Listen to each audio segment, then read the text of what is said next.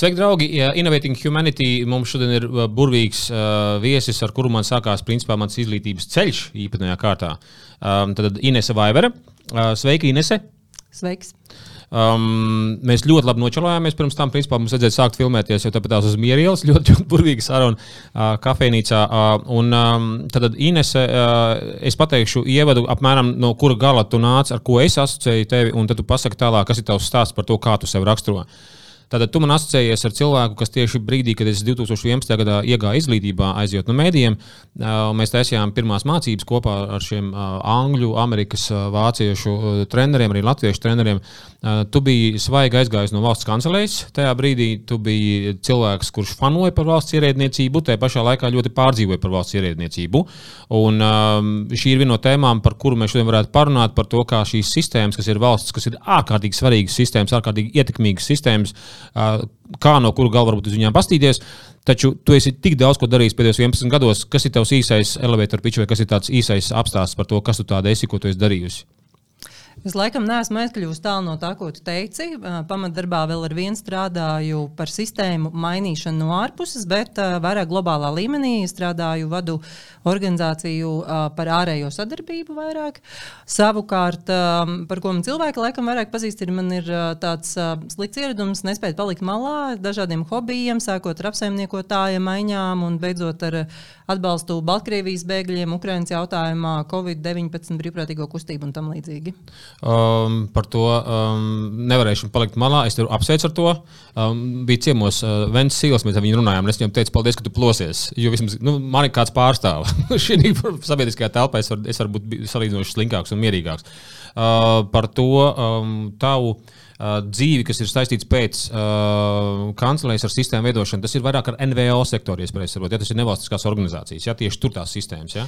Nē, drīzāk es teiktu, ka nevalstiskās organizācijas ir tās, kas atbalsta valstiskās sistēmas. Mm. Mums, protams, ir savas paralēlās, mm. bet uh, kopumā mēs tomēr uh, vairāk strādājam. Tas, ko es daru, ir uz valsts pārvaldes ietekmēšana, interešu pārstāvība un tam līdzīgi. Mm -hmm. okay.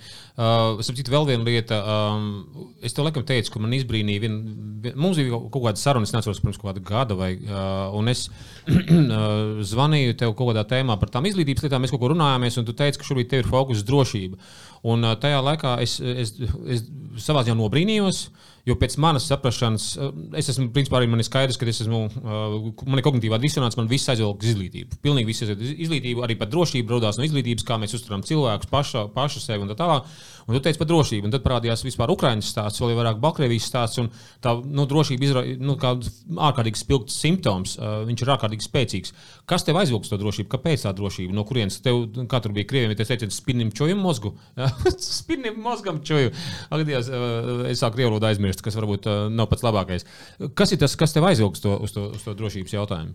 Principā attīstības sadarbībā, kur es strādāju, kas ir šī ārējā palīdzība, lapas, ja? lapas, jā. Jā, mm -hmm. tur šīs cilvēku drošības koncepts visu laiku ir bijis klātsošs. Cilvēku drošības koncepts nozīmē, ka cilvēka drošība veido ne tikai fiziskā drošība, bet arī sociālā, politiskā, pārtikas un dažādas dimensijas. Bet tā Maslova piramīda saka apakšā, ja? nu, tā, tā ir domāts. Ja? Drīzāk tur ir domāts, ka kā, visa Maslova piramīda ir svarīga, uh, lai cilvēks justos droši. Tur nav tā kā hierarhiski, bet uh, vairākas dimensijas. Arī iespēja mācīties. Uh, Jā, kā viena no tām. Arī iespēja ceļot kā apakš, apakš no kāda no drošības aspektiem, mm -hmm. droši okay. vien. Nu, okay. lūk, un, uh, un mēs ar to jau nodarbojāmies. Mm -hmm. un, uh, tas, ko mēs darījām, mēs runājām ar kopē, kopienām vietējām, uh, mēģinot saprast, kas cilvēkiem rada nedrošību Latvijā. Jā. Bet tas bija tā lēnīgi.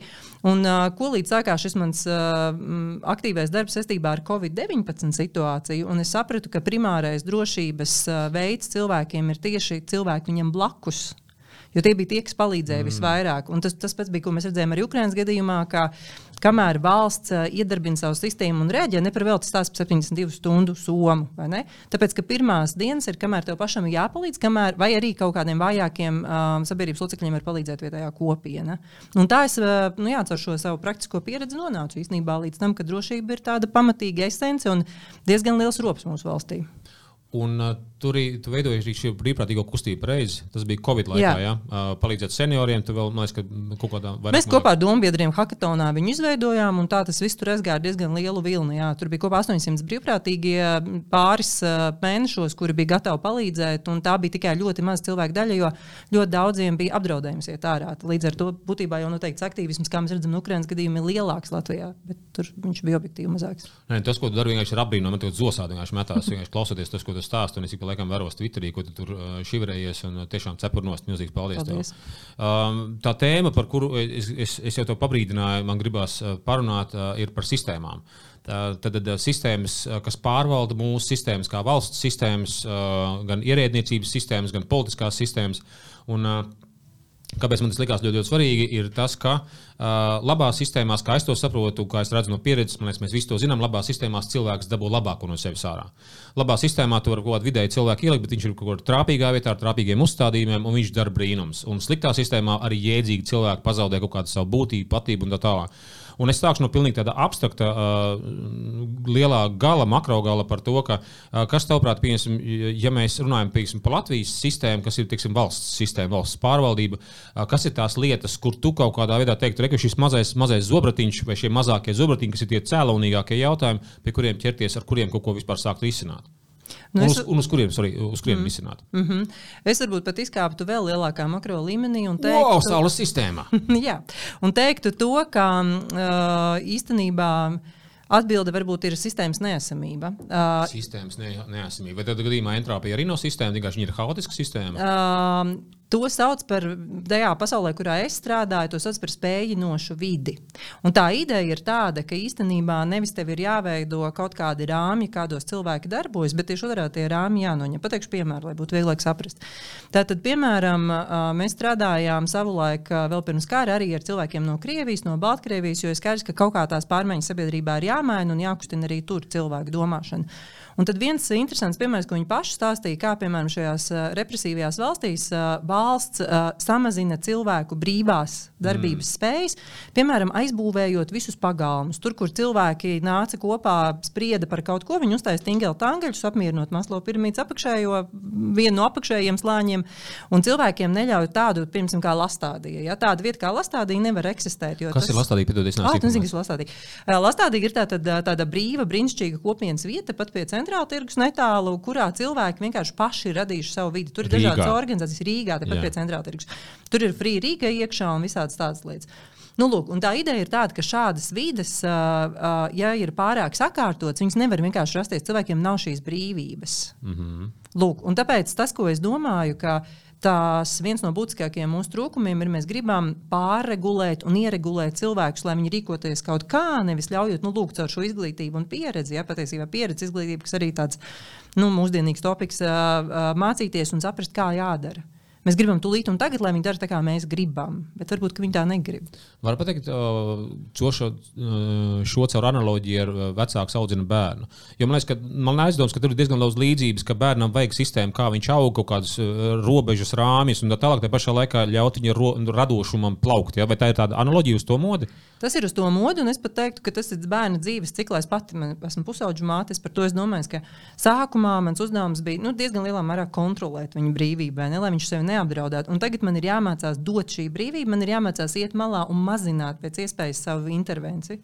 Okay, un tagad iedomājieties par valsts sistēmu. Tagad, kā, kā šī analoģija tev spēlēs? Kur, kur šobrīd mēs esam šajā analoģijā ar, ar Latvijas valsts? Un es pieļauju, ka katra ministrija, katra industrija bija atšķirās. Viena ir vairāk regulētāka, viena ir labāk regulētāka, sliktāk regulēta. Kur mēs esam šobrīd? Nu, arī tāpēc? objektīvi droši vien dažādām industrijām ir jābūt dažādi regulētājiem. Mēs negribētu, lai armijā katrs cilvēks skrien uz savu pusi. Vai dzelzceļš, piemēram, loģistika un tā. Jā. Vai, piemēram, mēs arī Ukraiņas gadījumā redzējām, kas notika. Mēs katrs pirmajās dienās skrējām uz savu pusi un nezinājām, ko darīt. Vai ne? Kas var apdraudēt arī to lielo drošību. Ir brīži, kad ir jābūt kaut kādam regulējumam. Bet nu, es teiktu, tādā nu, savas vecāka pieredzes, teiktu, mēs esam desmitgadīgi bērni vecumā šobrīd, kā valsts, kad mēs sākam skaļi kliegt un ķeproties, un tai mammai kaut ko prasīt, lai nu, viņi mums tur kaut ko regulē, jo mēs esam pieraduši, ka viņi mūs regulē, bet neesam gatavi iet varbūt vienmēr paši.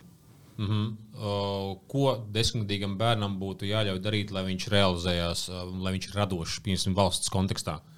Nu, tā, tas, ko tu pats saki, izglītība. Es, piemēram, bet ne tikai izglītība bērnam, bet arī izglītība vecākiem. Es pati gāju uz vecāku kursiem. Ir jāmācās un jāsaprot, kā šajā nākamajā posmā darīt. Jo man brīžiem ir tāds sajūta, ka valsts pārvaldē. Uh, ir pieradusi prasīt aktīvismu, un tad, kad cilvēki kļūst aktīvi, viņi nezina, ko ar to darīt. Jo man tā ir bijusi pieredze, ka tagad tu aizej un izstāsti to savu viedokli, un saka, beig foršais viedoklis, bet ko mums tagad ar to visu darīt? Ja? Viņiem arī ir jāaug uz nākamo posmu. Tu, tu man tagad sāc lietu medausīs. Es esmu nenormāli priecīgs to dzirdēt, tāpēc ka man visu laiku tāds sajūta par to, ka um, tad, uh, ir pieņemsim nedarītā lietas, uh, kuram nav daudz prasmju. Mums ir daudz, daudz, daudz vairāk prasmes. Un es vienkārši par sevi varu pateikt, ka, kad es kaut ko apgūstu un saprotu, es kļūstu vienkārši divkārt, trīskārt jaudīgāks dēļ, ko darīt. Tad parādās jautājums, labi, tad uh, bērnam ir iespēja radoši attīstīties sabiedrībai, tad rekrutā izglītība ir. Uh, tur tas ir jāveicina, tur jāveicina, jā, jātaisa kaut kāda spēļošanās elementi, lai cilvēki to gribētu darīt, kā tas viss mainās. Jo mēs bijām tādā antropoloģijā pieskaramies, principā, ja? kā šī sabiedrība, piemēram, Latvijā ir 600 tūkstoši pieaugušo, ja nemaldos, ja? 600 tūkstoši strādājošo.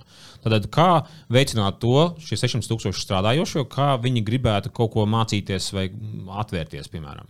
Nu, ļaut viņiem darīt, paskatieties, kāds regulēja sabiedrību palīdzībai Ukraiņai. Taču paši gāja un darīja, un saprata, ko darīt, un izdomāja, ko darīt. Nu, nav vienmēr viss jāiedod ar karoti. Bet tie bija, protams, tādi ekstrēmi apstākļi, Ekstrēma ka tas pēkšņi izšāvās. Skaidrs, ka ikdienā nu, neviens nevar būt, nu, es tagad runāju par savu jomu, jā, piemēram, brīvprātīgais darbs. Jā, nu, neviens nevar būt nepārtraukti sociāli aktīvs. Tas tam nav iespējams. Es pat esmu nogužta no tā. Jā. Bet brīžos, kad uh, ir nepieciešams, cilvēki to darīs. Un tad ir jautājums, vai mēs dodam vietu un laiku tam. Okay. Um, jā, man ir 11 gadus izglītībā. Un tas, ko es redzu, ka tā viena no lielajām lietām ir uh, Parunāsim par mēdījiem šajā kontekstā. Ja? Jo man liekas, ka mēs joprojām par to sistēmu tur liekas, mums jāatgriežas vēl un vēl un vēl. Uh, bet par mēdījiem, ka um, ja mēdīji, uh, pieņemsim, domātu 80% darbinieku to, ko tu tagad saki, man ir aizdoms, tas būtu visos mēdījos, visos stūros un malās, un tā kļūtu par tādu politiķu pieprasījumu sabiedrībai. Politiķi, ne, sabiedrība pieprasītu no politiķiem, tāpēc, ka sabiedrība par to domātu, un līdz ar to tas kaut kādā veidā sāk atspoguļoties likumos un sāktu kaut kādā veidā realizēties. Taču man joprojām ir tāds jautājums, ka Uh, par mācīšanos, ka mācīšanās no skolas laikiem ir traumatiska lielākajai daļai cilvēku asociējās ar traumatismu. Numur viens, un numur divi reāli. Mācoties, mums ir smadzenēm stress. Tas ir normāls process, smadzenes plīst, mainās, ja veidojas jaunais savienojums, tas kā biceps, tur lielāks slodzi un plīst, un mainās audu un augu un tā tālāk. Ka cilvēkiem ir pretestība pret mācīšanos, un uh, ka, lai palīdzētu to pašu, ko cilvēki grib, varbūt gribētu iegūt, ir jābūt uh, ļoti gudram atbalstam. Analoģija, ja desmitgadīgs bērns, ah, es negribu tās klavierus mācīties, piemēram. Vai arī es negribu mācīties to un to un to, un to ka ir jābūt tam atbalstam, bet jautājums par gudrību, par to, vai es māku, vai es esmu gudrs vecāks, ka es māku tam bērnam to izstāstīt, jeb tik gudra sabiedrība, kā valsts pārvalde, kas māku to izstāstīt cilvēkiem, vai politiķi tik iedzīgi, vai mediji tik iedzīgi. Ak, Dievs, cik es plaši to no, no, no, no, noklārēju tev. Nē, par mēdījiem es pilnīgi piekrītu, jo uh, jāsaka, ka nu, es neesmu iepriekš neko darījis tādu, lai es interesētu mēdījiem, bet pēdējos divus gadus patiešām man ir bijusi aktīva sadarbība ar mēdījiem. Nu, tu trāpīji arī epicentrā Baltkrievija, Ukraina un tā tālāk. Jā, un jā. Covid. Uh, jāsaka, ka kas ir interesanti, bet tie būs tādi nu, mani novērojumi, uh, ka, uh, protams, arī mēdī viņi jau atspoguļo to vidi, kurā mēs visi eksistējam. Ja? Kas uh, varbūt uh, mēs gribētu, varbūt tas, ko tu saki, ka viņi maina to vidi, bet man brīžiem liekas, ka viņi atspoguļo. Ieliekot kaut kādā kastītē. Man, piemēram, pašai bija interesanti tā, ka man gribas pateikt kaut ko citu mēdījos, bet man prasa to, kurā kastītē es esmu ielikt. Un īstenībā no manis negaida nemaz kaut ko citu. Un vēl kas man uh, bija pārsteidzoši, arī patīkami pārsteidzoši par mēdījiem šajos krīzes laikos, ka viņi tiešām ņēma tādas tēmas, ko viņi parasti neņem, un rādīja šīs cilvēku institīvas. Jo man ir licies parasti jocīgi, nu, piemēram, iedomājamies, mums ir novadu ziņas, vai Latvijas novadi nav Latvija. Kāpēc mums vispār ir novadu ziņas? Ko tas nozīmē? Tā kā novada ir kaut kas cits nekā Rīga. Nu, mēs jau ar tādām sīkām lietām Latvijas sabiedriskajā mēdījā. Nu, piemēram, jā, vai vispār, vai ne? Mums taču ir tādas sadaļas, novadu ziņas, jā, reģionu ziņas, jā, nu, bet kam on, tie nav cilvēki, tā nav Latvija. Kāpēc mums ir kaut kas tāds? Tas varētu būt sieviešu ziņas. Mums ir sieviešu ziņas, mums ir vīriešu ziņas. Tā kā tiešām panorāmā varētu būt, un sāksim mēs ar vīriešu ziņām. Jā, tieši tā.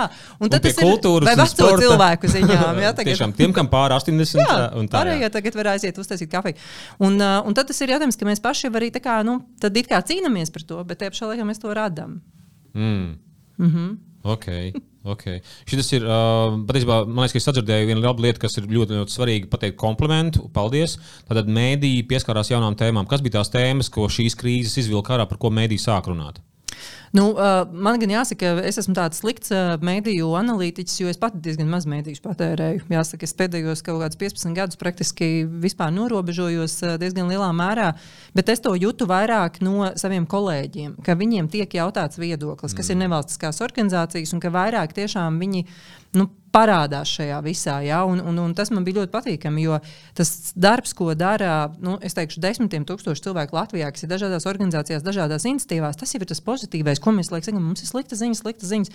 Reku cilvēki dara labas lietas, kāpēc mēs par to nerunājam? Bet ir tik grūti ar šīm labajām lietām nonākt ziņās. Mm.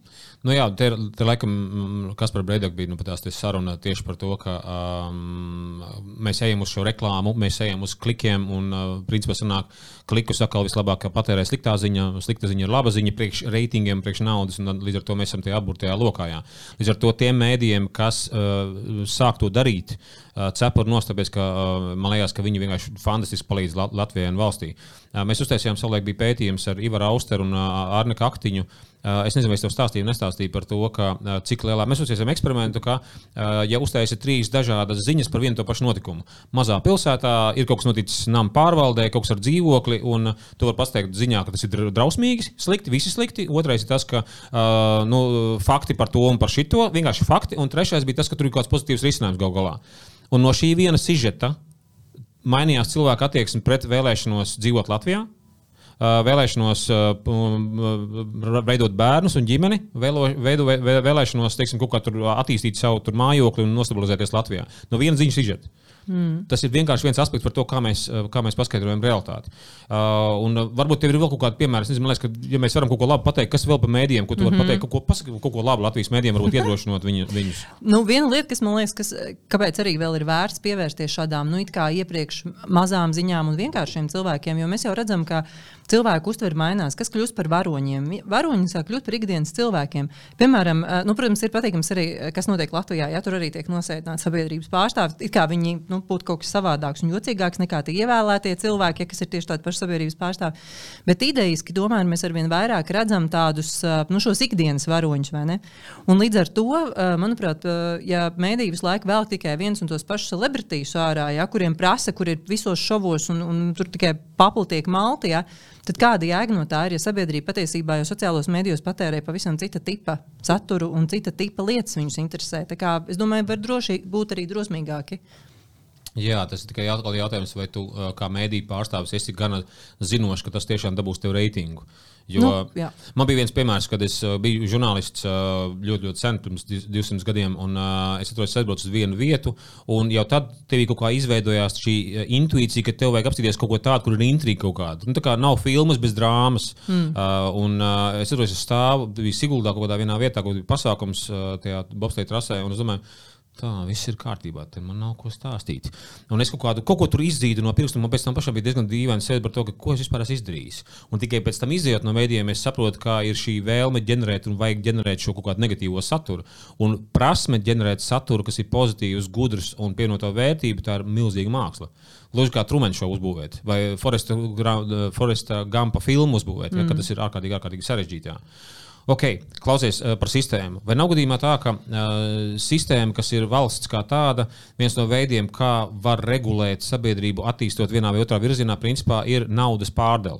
Tad, piemēram, iepirkumi kā naudas pārdales veids, un šie veidi, kas uh, nosac, nosaka, kur mēs dodam naudu, kā mēs dodam naudu, uz kādiem nosacījumiem dodam naudu, cik ir apgrūtinoši vai viegli to naudu dabūt, cik godīgi ir to naudu dabūt. Uh, vai tas gadījumā nav viens no šiem veidiem, kur principā uh, var ļoti lielā mērā sabiedrība pozitīvi attīstīties. Ir labi piemēri, un arī traki piemēri, kas man trakākais piemērs, kas man nāk prātā.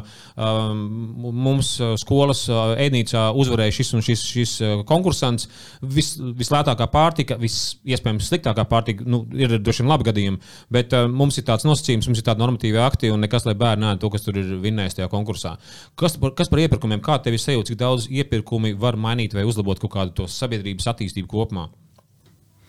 Uh, vispirms es varbūt atbildēšu par to sākuma daļu, ko tu teici pirms iepirkumiem par to valsts pārvaldi kā mm. tādu. Jo um, tā, tajā, atkal tajā pasaulē, kurā es uh, ikdienā strādāju globāli, ļoti tiek runāts par uh, vispār tādu fundamentālu sistēmas maiņu. Jo tas, kas ir taisnība, ja, kā teicu par resursu pārdali, ka uh, pašreizējā valsts pārvalde nu, vēl, vēl vairāk, īpaši tagad, uh, mēģina ietekmēt, veidojot pēc privātā sektora principiem, kur jākonkurē, kur jābūt pēc iespējas efektīvākam un tam līdzīgi. Tas uh, ir skaidrs, ka nestrādā. Jo valsts pārvaldē ir nu, citi mērķi. Protams, viņai jābūt efektīvai, bet viņai nevar būt piemērotas nezinu, zābaku ražošanas konvejera, tur kvalitātes vadības sistēmas principi. Nu, labi, arī tās jau tomēr ir adaptētas, bet pēc idejas. Ja? Un, tāpēc, runājot par tiem iepirkumiem, arī iepirkumiem pašreiz īstenībā nav tikai zemākā cena. Ir, semnie, nu, tā, ir zemnieciski izdevīgākais versija, uh, variants, kur tu vari izvēlēties arī citus kritērijus. Bet tad ir tas jautājums, vai, kas ir tie kritēriji un vai viņi ir izmērāmi. Lielākā problēma parasti ir, vai mēs varam to sociālo ietekmi izmērīt. Un, un, un tad, nu, jā, tad tas ir atkal tas gudrības jautājums, kā to darīt. Un šie sociālās ietekmes mērījumi īstenībā ir tāds hot topic arī OECD un vispār ir resursu pārdalē uh, un arī projektu visādos finansējumos. Piemēram, šobrīd starptautiski tiek runāts par tā saucamo trust-based financing, ka tu dod organizācijai, jo tu uzticies viņai, un tad viņa tev piegādā tos rezultātus. Nevis tā kā mums tagad ir jāuzraksta grāmata, lai tu varētu dabūt, nezinu, 5000 eiro. Ja? Un tad, tu, tagad tu sāc ieviest to grāmatu, saproti, ka tu nevari to realizēt, jo pasaule jau ir mainījusies. Ja?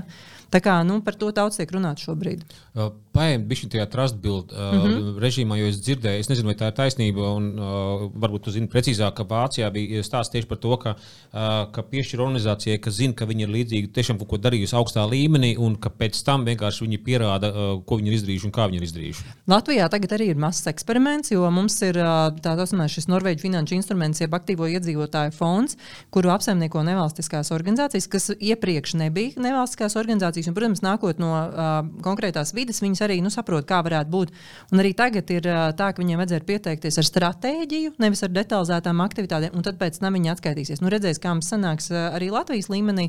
Protams, ir salīdzinoši birokratizētāk nekā tīri šis trust-based financing, bet idejas, ka jā, tā ir un tā dod arī um, citās attīstības valstīs, kur vispār šie lokālie apstākļi ir ļoti mainīgi un atšķirīgi. Uh, paņemsim vienkārši vienu piemēru. Skola ēdnīcas, uh, ko tiek darīt uh, iepirkumā, lai, lai skolu ēdnīcu um, ēdienu piegādātāji būtu labākie iespējamie bērniem? Labs jautājums.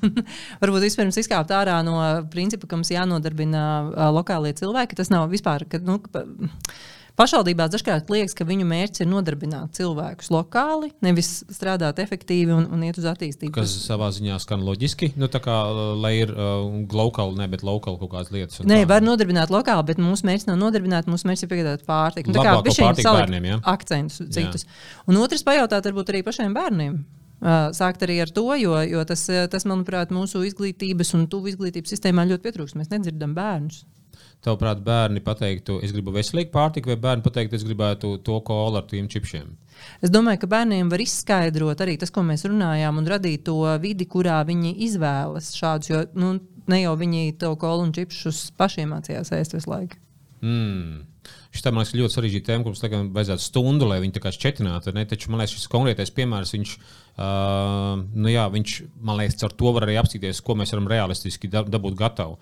Tad parametri, ko tu saki, kā, tad mums ir, mēs runājam par, uh, kā tur sauc Latvijas stakeholderi. Uh, tie, saistītās puses, es saku. Saistītās puses, ok. Tad mums ir saistītās puses, tad vecāki, bērni, skola, pašvaldība, ja? un tad, uh, ka visas šīs saistītās puses, viņiem ir kaut kāda sava balss tajā par to, kā nodefinēt uh, to, kāds ir ēdiens. Protams, jo tāpēc, ka, man liekas, nav jau jēgas arī uztaisīt superveselīgu ēdienu, ko tie bērni vienkārši nēdīs, jo viņiem ir kaut kādas citas vēlmes, kaut kas ir mainījies. Jo, piemēram, šis pats vecais jaunis par kartupeļiem. Mēs saprotam, ka, nu, ja mēs tagad preparējam ja to ēdnīcu, Kartupeļi ļoti veselīgs ēdiens, protams, tur vajag kaut kāds, un mūžīgi visi ir ēduši kartupeļus, un skolu ēdnīcās ir lielākais kartupeļs, un tur ir maza kotleta blakus. Ja? Mūsdienās bērni daudzi vairs tā neēda. Viņi neēda daudz, nu, piemēram, viņi ēda jau dažādāku pārtiku, viņi negrib, piemēram, šos kartupeļus, un tad viņam, nu, piemēram, mans bērns ir piemērs. Ja? Un viņai nav ko ēst skolā, ja, ja viņa, piemēram, vēl jau vairāk tas bērns, piemēram, gaļu neēda. Viņam vispār tur nav nekādas lielas izvēles vairāk. Mm. Nu, tas ir tāds, un tad tajā brīdī man liekas, ka ko, kas ir kā labais piemērs, jo mēs laikam varam runāt arī par labo. Tās uh, skolas, kuras sāk piedāvāt, ka pats var uzlikt, cik tu gribi.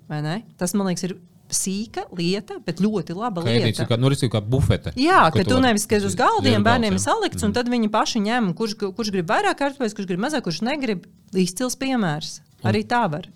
Tātad, um, cik skolas tavuprāt to dara? Mm, man nav ideja, cik, bet es zinu, ka tā arī bērnu dārzos ir. Šis ir šarmanti? Šis tiešām ir šarmanti. Jo uh, viena no tām izglītības laikam lietām ir tas, ka mēs kaut kā aizmirstam to, ka cilvēks ir unikāls. bērns ir unikāls, katrs ir atšķirīgs, katram ir savas vajadzības. Man bija citu skolā, ko es atceros, dīvainā kārtā tiešām, ka es tur skolas, skolas ēdnītes tēmu, kad es vienkārši viļāju te riņķī turp šurp, bet uh, es pusi no reizēm nēdu, tāpēc, es vienkārši nēdu to, ko piedāvāju. No, ja. Uh, un tā ir atkal tiešām tāda specifika. Kas zīmīgi, laikam, mēs varam pateikt, ka ir, tad, ja ir laba izpratne par situācijām un organizatoriskās sistēmiskās dotības, tad cilvēki atrod labākos veidus, kā to nodrošināt. Jo šis uh, korelē ar to, kas uh, arī savulaik, mēs taisījām manu senokus, daudzkārt mēs atsaukties šo funkciju auditu par uh, birokrātisko slogu izglītības iestādēm.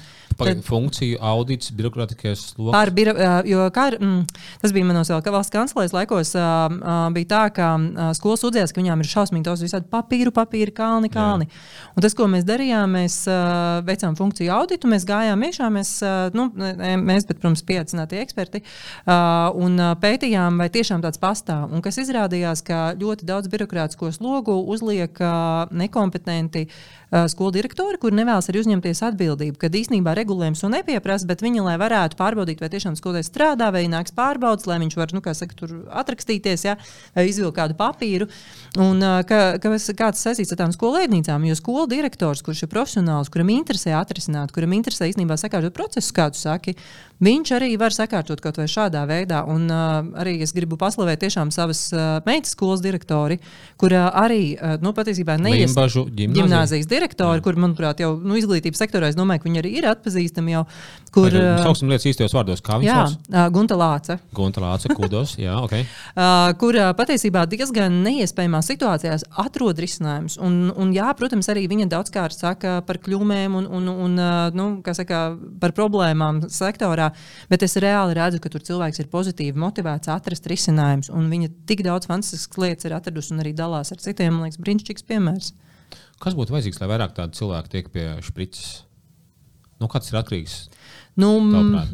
Man liekas, ka varbūt arī pati tā direktora rekrutācijas sistēma, ka nevis tas ir skolas jaukākais skolotājs vīrietis vai politiski kaut kāds ielikts cilvēks, jo tur ir milzīga resursu pārdale, nu, atkal caur iepirkumiem un tam līdzīgi, ja, lai tur ir savs priekšā, ja, kur, kur var kārtot visu. Bet uh, tiešām cilvēki, kuri, uh, nu, pat uh, ja viņš ir nonācis tur kaut vai izglītojas menedžmentā, vadībā, jo tas ir vadības amats tomēr. Sanāk, es tagad pareizi saprotu, es pārfrāzēju savā valodā, ka ļoti bieži vien par vadītājiem ieceļ labus speciālistus, kuriem nav vadītāja dotības, jo tā ir pilnīgi cita profesija. Tā ir jā. pilnīgi cita lieta. Jā, tā ir cita lieta. Jā. Nevienmēr labs skolotājs ir labs vadītājs. Jā, un otrādi. Tas ir, tas, ir, tas ir abos virzienos, ka tev var būt izcils vadītājs, kurš jā. nav varbūt labs skolotājs, taču viņš ir izcils vadītājs. Jā.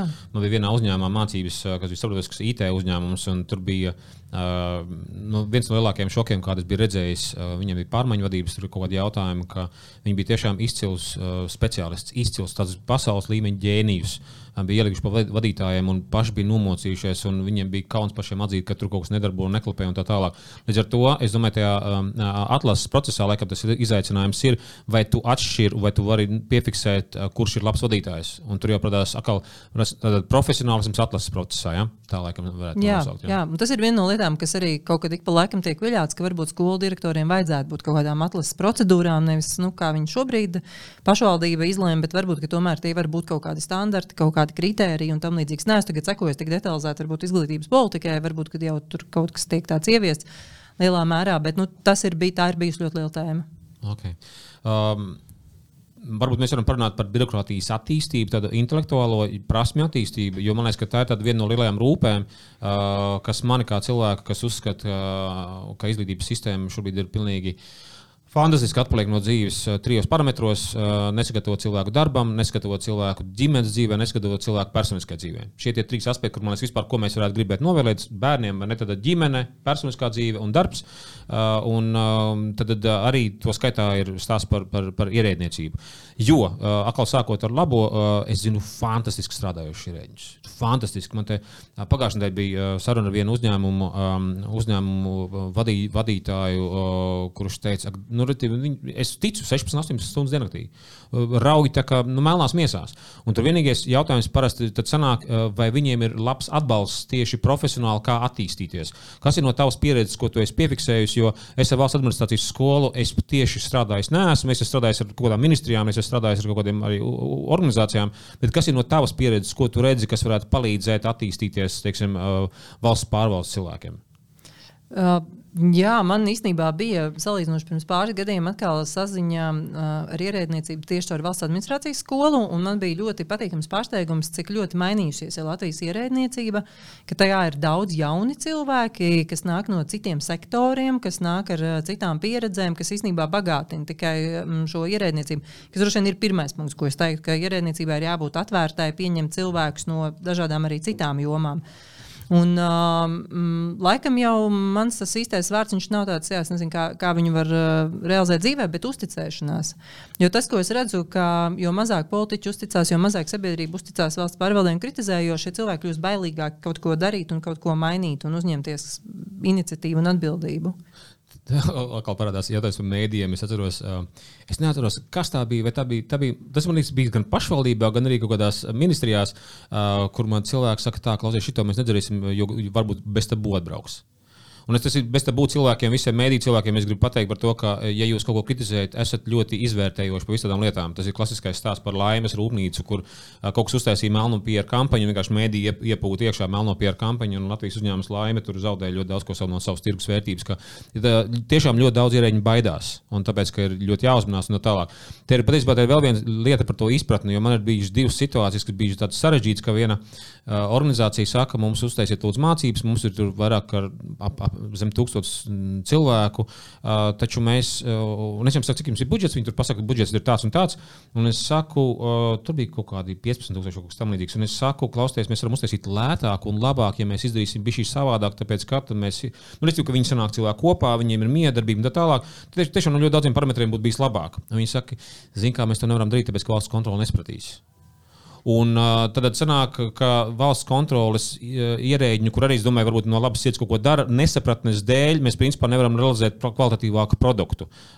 Tev ir kaut kāds pieredze bijis, vai uz šo mm. analoģijas pamata ir kaut kādi jautājumi, kā, kā tam pieiet, no kura galva tas ir valsts administrācijas skolas uzdevums, principā stāstīt un izskaidrot kaut kādas lietas. Ja, ja valsts kontrols pieņems cilvēku vai citas jomas cilvēku, viņi nevar zināt visas sfēras, bet viņiem it kā ir jāzina visas sfēras, un viņiem pieņems valsts kontrols kontrolē ļoti daudz lietas, piemēram. Ne? Mm -hmm. nu, es domāju, ka te ir arī stāsts tāpat kā par, tā, par to administratīvo sko slogu skolām. Daudz mīti un daudz realitāti. Arī par valsts kontroli noteikti ir daudz mīti. Jo, protams, arī tur ir kontrolējošāki, gan jau kontrolieri un nekontrolējošāki.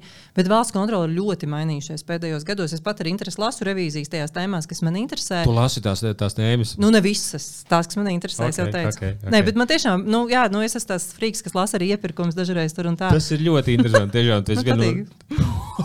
Tas ir tiešām interesanti. Nu, okay, jā. Jā, jā. Un tad, okay. um, un tad uh, jā, un, un valsts kontrole ir mainījusies. Es domāju, ka tur arī tas, tas mīts par to, ka mums vienmēr ir drošāk, ja mums ir kaut kādi papīri un regulējumi. Bet, kad, kad tu stāstīji par to valsts kontroli nespratīs, man īstenībā arī ir labs piemērs par šo domāšanas maiņu. Jo tas, ko es ikdienā daru, es strādāju arī ar ilgspējīgas attīstības mērķiem.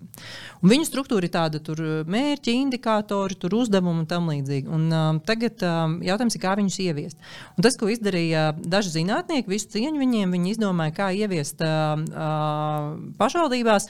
Viņi tur samērģoja visādus indikātorus, atlasīja īstos indikātorus un tam līdzīgi. Un tagad pašvaldībām ir tāds rīks, kur viņi var atrast kaut kur nu, tā kā vis tāds ciparīgs. Ja?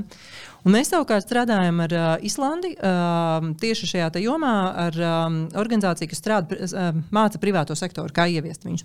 Un mēs viņiem prasām, kā ieviest, nu, kādus tur indikātors. Viņi saka, kādus indikātors īstenībā svarīgākais ir process. Un tas, kas viņiem ir tās metodikas, viņiem metodikas ir, kā cilvēki nāk kopā, kā viņi domā par tām lietām, kā viņi paši izlēma. Un, un, un, un turpat nav svarīgs tas indikators, kurš tur galā iznāk, svarīgs ir process. Un tad es arī domāju, cik atšķirīgas mums ir tās pieejas, vai ne, ka mēs domājam, ka saliekam saliekot kaut kādus čekus, kaut kādas papīrus, kaut kādas lietas, mēs sasniegsim kaut ko, bet īstenībā tieši tam procesam, ko tu saki, ir lielāka nozīme. Varbūt. Tu zini, absolūti. Nianses tikai ir tāda, ka man liekas, ka ir jāliek kopā gan process, gan rezultāts Jā. no vienas puses. Un man visu laiku, kad es aizēju to stāstu par vecākiem, ka ir gudri vecāki, kas ļoti veikli māca gan bērnu ierobežot, gan dot viņiem radošo brīvību. Tas ir tas tavs ikdienas uzdevums ar dārtu, vai ne? Kā ierobežot un dot radošo brīvību. Nu, protams, protams. Un tas, ir tas, tas ir tas pats ar, laikam, ar visiem pārējiem cilvēkiem, kas kaut kādā brīdī no sistēmas vidū, tu mēģini šo es nezinu, lielo cilvēku grupu, kur ir dažādi visādi fi firmaņi, kas spēlmaņi, kas, kaut ko tur darās, ne, kā to ierobežot un kā te pašā laikā dot brīvi. Nu, tas ir intelektuāli, mēs ārkārtīgi principā piņķerīgs uzdevums. Nē, nu, process jau jebkurā gadījumā ir vadīts process. Viņš jau nav plašs, viņam ir nosacījumi, viņam struktūra ir noteikti, viņam struktūra nešaubīgi. Viņam. Tas jau ir tā kā mācības, vai ne, kad arī nu, ar studentiem strādāju. Es arī viņiem dodu rāmi, bet domā jau viņi paši. Nu, Jā, man bija uh, vēl viens piemērs, ir, ir, ir šī, ah, Dievs, es neatceros, kā to sauc, kas Eiropas naudas kaut kādas un ir tā uzraudzības komisija, un mēs strādājam ar viņu kādiem, uh, tur bija skolotāji, laikam, un jaunieši arī. Uh, un tad um, mācību procesa sakla ir svarīgi, lai tev ir struktūra, tad sāc tikos un beidz tikos. Taču, taču bieži vien arī tas, ka varbūt tu vari beigt ātrāk, bet vēlāk tikai tāpēc, ka varbūt tu esi intensīvi izgājis cauri un cilvēki ir izkūpējuši smadzenes, vai arī tieši, kas vēl turpina un var vēl turpināt. Un uh, viņiem bija atskaites sistēma, ka vajag 14.30 vajag obligātu pauzi.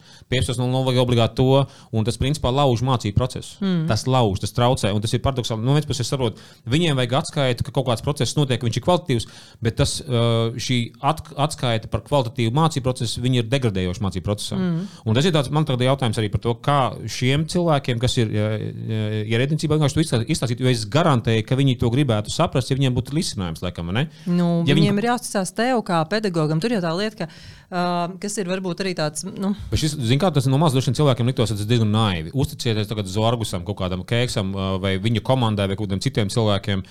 Un es domāju, ka es vienkārši tā skaļi to skepticismu pasaku, tāpēc, ka man liekas, tas ir tas lielais jautājums, kā es varu uzticēties. Tā pašā laikā paradoks, ja es izdarīšu to 14.30, kas ir uzrakstīts normatīvā, es tur nav nekāda garantija kvalitātei. Tieši tā. Tas ir tas par rādītājiem. Tas ir tas, kādus rādītājus mēs izvēlamies jau nu, tam rezultātu mērījumam. Bet, uh, bet īstenībā tā ir diezgan liela problēma. Es arī esmu, man bija vēl trakāka pieredze. Es gribēju mazliet atbalstīt uh, vietējo kopienu un uh, um, NVA kursi. Jā, ir bezdarbniekiem, un tad arī man turpat blakus mājās, domāju, nu es arī bišķiņ piedalīšos. Tur bija viņi meklēja. Jā, jā, kā pasniedzēja, viņi meklēja cilvēkus, kas tur varētu vietējie lektori, kas vadīja. Es domāju, nu, es tur tēma mana projektu vadība. Tur ir vēl trakāk, tur ir jāparakstās uh, ik pēc 40 minūtēm ir jāaprakstās, ka tu esi šeit. Jo cilvēki, nu, acīm redzot, ir pieredze, ka tie bezdarbnieki varbūt iet ātrāk projām vai varbūt neatnāk un tam līdzīgi. Tad iedomājieties, kā tu vari vadīt mācību procesu dienas garumā, ka tev jāatcerās, ka ik pēc 40 minūtēm jāaprakstās. Protams, ka nu, parakstījās par visu dienu vai kaut kā savādāk. Bet, ja ienāktu pārbaudīt, tad viņam ir piecas, piecas, piecas stundas, un katrs tās stundas beigās ir jāaprakstās. Ja? Uh, nu, apmēram. Un nevis tad, kad ir pauze man, kad es esmu ieplānojis pauzi, bet tieši pēc tām nu, mācību stundām. Kaut kādas akadēmiskās stundas. Nu, ja? Apmēram. Jā, jā. Jā. Un tad ir tāda tabula, kura tad jālaiž pa apli, lai viss pierakstās. Tas ir vispār kreizī manā uztverē, ja? bet nu, lūk, tāds arī ir birokrātisks sloks. Un tad mēs domājam, kurš to ir izdomājis? Kādam taču ienāca galvā, ka tas ir pareizā metode vai ne? Un, nu jā, te ir tas uh, ārkārtīgi īpnējs jautājums. Es domāju par to uzticēšanos, par to jautājumu. Man liekas, ka jādomā, nu, jāmēģina saprast, sadalīt reizinātājos, jo es domāju, no tā vārda ļoti bail ļoti daudziem cilvēkiem, tāpēc ka tā metrika vai atskaita kā tāda pazūd. Un, Man bija viens, uh, es neatceros, viens jurists teica, ka uh, kaut kādi trīs juristi bija kaut ko ļoti pamatīgi sačakarējuši. Valsts pārvalde sāka neusticēties un pieņēma drastiskus likumus, uh, kas ietekmē visus pārējos 500 juristus, bet tikai tāpēc, ka trīs kurus kaut ko bija izdarījuši. Tā ir. Un tas principā aizgāja nevis uz to, ka kaut kādā veidā, respektīvi, gudri to sistēmu pārkārtot, bet principā sanāk, tavs bērns kaut ko nokļūdās, ja, un tad viņš divus gadus nevar darīt to un to un to. Un to tāpēc, ka ir bail, ka viņš arī sakal kaut ko tādu. No tā. Nē, no nu, ar to jau atšķirās austrumu no rietumiem, un tajā pašā uh, birokrātiskā sloga auditā bija divas iestādes, kuras reaģēja pilnīgi atšķirīgi. Viena no kontrolējošām institūcijām mums vispār nedeva informāciju, jo viņi par viņu to, kā labāk izdarīt taisa maksas kursus. Viņi principā pat nav interesēti, lai cilvēki sakārtotos. Savukārt otri pēc mūsu atklājumiem uzreiz aizsauca mani pie saviem inspektoriem un lika izstāstīt, par ko, ko mēs tur esam atraduši, lai viņi tā vairs nedarītu. Jo princips arī, jo viņi bija tie, kas teica, nu, ka ir svarīgs princips, un katrs jau izdomā, kā viņu piemērot. Ja? Tas arī ir jautājums, kā tiek vadītas šīs pašas iestādes un kā tas notiek. Nav jau tikai tā, ka vienmēr uzreiz ievieš kaut kādus kontrolējošos mehānismus. Ja? Nu, tur Klausies, kādus kursus tu ieteiktu taisīt uh, valsts ierēdniecībā, kā pamat, kaut kādas pamatēmas, kurām tu iet cauri? Man ir kaut kāds savs saraksts, kas man nāk prātā, bet man liekas, tu esi zinošāk no kaut kāda cita leņķa. Uh, kas ir tas, ko tu ieteiktu? Kādas prasmes uh, apgūt uh, ierēdniecības cilvēkiem, lai viņi paši justos labāk savā darbā, zinošāki, prasmīgāki? Bija interesants eksperiments. Tagad vispār valsts pārvalda visādas interesantas lietas, inovatīvas sieviešu, un, un viņiem šobrīd ir tādas darbnīcas. Un, uh, tur nāca kopā diezgan sarežģītā tēmā. Bija gan nevalstiska organizācija, puse, gan valsts pārvalde. Tad viņi kopā uh, strādāja. Un, uh, tas, ko viņi atzina pēc tam, ka bija interesanti uh, dzirdēt ar šo nu, rīkošanos, jo viņi tur kopā pētīja visādas atbildes. Un, tas nebija tāda klasiskā darba grupa, bet tas bija tāds noteikts mehānisms un process. Un, uh, tas bija ļoti svarīgi ieraudzīt otrā pusē cilvēku. Un tāpēc man liekas, ka tas, ko vairāk vajadzētu, uh, tādas nu, kopīgas darbošanās, kas jā, viņas aizņem laiku Viņas tiešām aizņem laiku, bet tajā pašā laikā viņām ir, liekas, tāds ilgtermiņa efekts, jo tad tu vairs nebaidies, tu zini, ka tie partneri ir ok, un arī tu vairāk izproti viņus. Iepazīst, iepazīt sevi uz to otru pusi, to Jā. otru cilvēku ka tas arī ir cilvēks. Tad uh, ir runa par empātiju kā tādu, ja, ja tā paņem. Jo empātija nav tikai jūšana, empātija ir izpratne. Jā, un tāpēc atcer, es asociējos ar tevīm. Atceries, mums bija tas um, um, britu režisors arī. Jā, Gordons Pauls. Jā. jā, un tad es viņu, tā, es vēl strādāju valsts pārvaldē, es viņu pieaicināju, lai viņš man palīdz. Mēs toreiz dizainējām viens pieturas aģentūras. Un uh, bija kaut kāds pasākums, un es viņam teicu, atnāc un pastrādā ar ierēģiem. Man bija interesanti, kā viņš to darīs. Un uh, tā ideja bija, kā, nu, tu zini, kas ir viens pieturas aģentūras ne? Nu, ka tu vienā, vienā vietā vari sakārtot visu lietu. Un tad tas jautājums bija, kā viņas uh, veidot uz vietas fiziski. Un tas, ko Gordons izdarīja, viņš aizgāja uz Latviju. Viņš iepirka uh, vecus fotoalbumus, un viņš lika tam katram ierēdnim iedomāties, ka tas ir viņš tajā albumā. Un, uh, ka tur ir arī tie cilvēki, ar kuriem viņš strādā. Un tā kā ar lomu spēli īstenībā izspēlēt to cilvēcību. Un tas pie kā beigās nonāca, ka īstenībā ja valsts pārvaldē ir jākļūst cilvēcīgākai, ka viņai ir jābūt ar kaut kādām tādām vizualizācijām, ka es arī esmu cilvēks, nevis bezpersoniska mašīna. Nu, it kā sīka lieta, bet man vienkārši likās tāds kopīgs paziņš.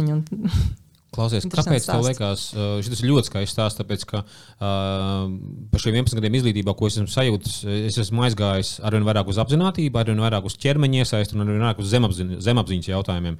Un tas, ko Gordons darīja arī mūsu pirmajā mācību procesā, kur mēs bijām kopā, ko mēs taisījām, uh, arī bija ļoti daudz šī visa iesaiste.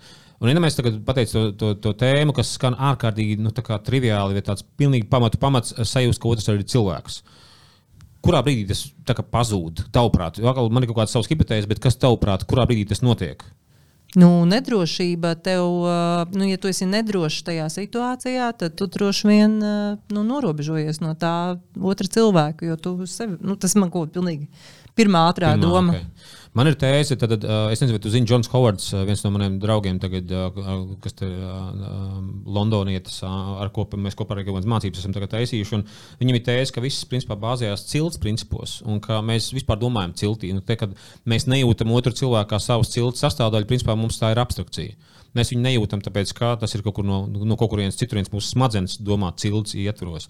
Un, šis ir tas paradoks par to vārdu empātiju kā tādu, ka um, tad empātijas esmu mācījis pārdošanas daļu vadītājiem, uzņēmumu vadītājiem un tā tālāk.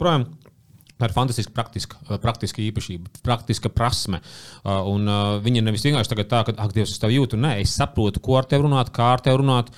Es māku uzprasīt tev jautājumus, māku ievākt no tevis informāciju, kas ir empātijas stāsts. Un šis ir tas, ko tu tagad saki. Viņš principā. Nu, viņš paver, man liekas, ka milzīgi liela jautājuma. Piemēram, um, vai es pareizi atceros, uh, ka Su uh, Igaunijā viņi vienbrīd pārcēla ministrijas uz citām pilsētām, teiksim, no Tallinas uz Tartu pārcēlās. Piemēram, ka kaut kādā brīdī tu pārcēlies uz citām vietām, vienkārši lai tu būtu tuvāk pie tautas, bet ka tu vari tos drēbes sajust. Vai tu pasēdi Jā. klasē, vai tu parunājies ar cilvēkiem, vai tu, es nezinu, es biju kaut kādā latgalē uh, vienās mācībās ar skolotājiem, kurus vienkārši man teica, iedzersim. Un es, ne, nu, es tajā brīdī galīgi nebiju uz to, uz to centās, bet es to vienu piesnieku, ja šādi vienkārši apstāties uz tiem cilvēkiem tajā brīdī. Ka tur ir tas vienkārši tas klātesamības efekts, uh, ka tā ir tā lieta, vienkārši robežu esamība kaut kāda, ka viņas ir bišķiņa par lielu. Nu, mēs jau neesam baigi lielā valsts, lai mēs teiktu, ka mums ir nu, tādas robežas. Bet es domāju, ka tas ir stāsts. Jā, varbūt. Bet ar kaimiņiem kādu... arī kaimiņi var būt blakus, viņiem var būt robežas. Nu, līdz ar to tas ir jautājums par psiholoģiskām, psiholoģiskām robežām. Jā, jā, jā. Nu, jā, es domāju, ka tā ir, jo tas ir jautājums arī par tām visām identitātēm, visu kā tu sevi uztver, vai tu, nu, ko mēs runājam ar tevi, vai, ne? vai, vai tu veiki kaut kādā vietā, un tu esi daļa no tās vietas, vai tevi pieņem vai nepieņem. Nu, Bet, uh, bet jā, es arī domāju, ka mums vairāk vajadzētu iet pie cilvēkiem, jo tāpēc arī man patīk mans pašreizējais darbs īstenībā, kur es varu visādas diskusijas moderēt, varu iet, braukt uz reģioniem un visu ko darīt un satikt tiešām fiziskus cilvēkus. Tas ļoti maina arī sajūtu par Latviju. Un es redzu, cik Latvija ir laba, cik Latvija ir pozitīva un cik Latvijā ir daudz superīgu cilvēku. Oi, es, es pilnīgi tam piekrītu. Um, Akal tas ir savā ziņā skaists tava burbuļu raksturojums, ja tā padomā. Skaidrs, ka visās, visās sabiedrībās ir dažādi, dažādi tie līmeņi, mm, jā. bet tie, tas, ko tu saki, tas ir tas spēks. Tas ir, tas ir kaut kāds spēks, uz ko, uz ko atsaukties un uz kur iet tālāk. Labi, pieņemsim, uh, kas vēl par, es vienkārši gribu pamalt vēl bišķiņu to tēmu uh, par ierēdniecību, kas vēl būtu vajadzīgs. Tad viens bija sajūts cilvēks. Nu, mans būs izskatīts jautājums par to, ka tas skan kā empātijas jautājums. Ja? Kas vēl, tavuprāt, ierēdniecība varētu palīdzēt? Palīdzēt Latvijas ierēģiem? Nu, man ir tāda vēl galējais priekšlikums, kas būtu vēl nākamais solis, bet es nezinu, vai viņš daudziem patīk. Bet, uh, tā ir tā mana tagad. Nu, arī īstenībā man bija tas tāds pašai vadmotīvs, ka es biju ierēdnis, ka īstenībā ierēdnis ir um, kanāls, kas transfero uh, iedzīvotāju vajadzības uz tiesību aktiem. Jo daudzkārt mums liekas, ka, tad, kad ierēdnis wow, ir ierēdnis, tas, tas, ir, tas ir, ir, bet tas ir iedzīvotāju vajadzības uz uh, tiesību aktiem. Jā, okay. jo būtībā tas, ko mēs dažkārt iedomājamies, kad ierēdnis ir eksperts, viņš ir visu zinošs eksperts, un viņš tagad raksta tos dokumentus, viņš taču visu zina, vai ne? Bet īstenībā tādā veidā viņš nespēja dzīvot līdzi nu, laikam un tām reālajām vajadzībām, jo tas, ko es darīju, arī, kad biju ierēdnis, es tiešām slēgtu zvanīju, prasīju cilvēkiem, kas ir no dzīves, lai nu, būtu pēc iespējas labāk tie tiesību akti kas ir šis konsultāciju process, par ko mēs kā NVO visu laiku prasām un spiežam. Ja? Un tad, ja mēs iedomājamies, ka uh, ierēģiņa uzdevums ir, jo viņš ir prasmīgāks, cilvēks jau nemāk uzrakstīt to dokumentu, ne, bet viņš zina, kādā viņš pasaulē grib dzīvot. Jā, jā, tā ir viņa jā. brīnišķīgā prasme. Tad viņa prasme ir nevis tā sektorālā kompetence, bet viņa prasme ir šī te, nu, transferošana uz, tajiem, nu, uz to spēju no šo vidi. Uh, kas ir interesanti. Tiešām, uh, tur runā meistarīgi kā ierēdnis. Tas ir tiešām tāds spēja no šā vide transferot uz, uh, yeah. uz, uh, uz tiesību aktiem, cilvēku vajadzības. Uh, kas zini, nu kā tas, uh, tas semantiski uh, ir ļoti, ļoti precīzi.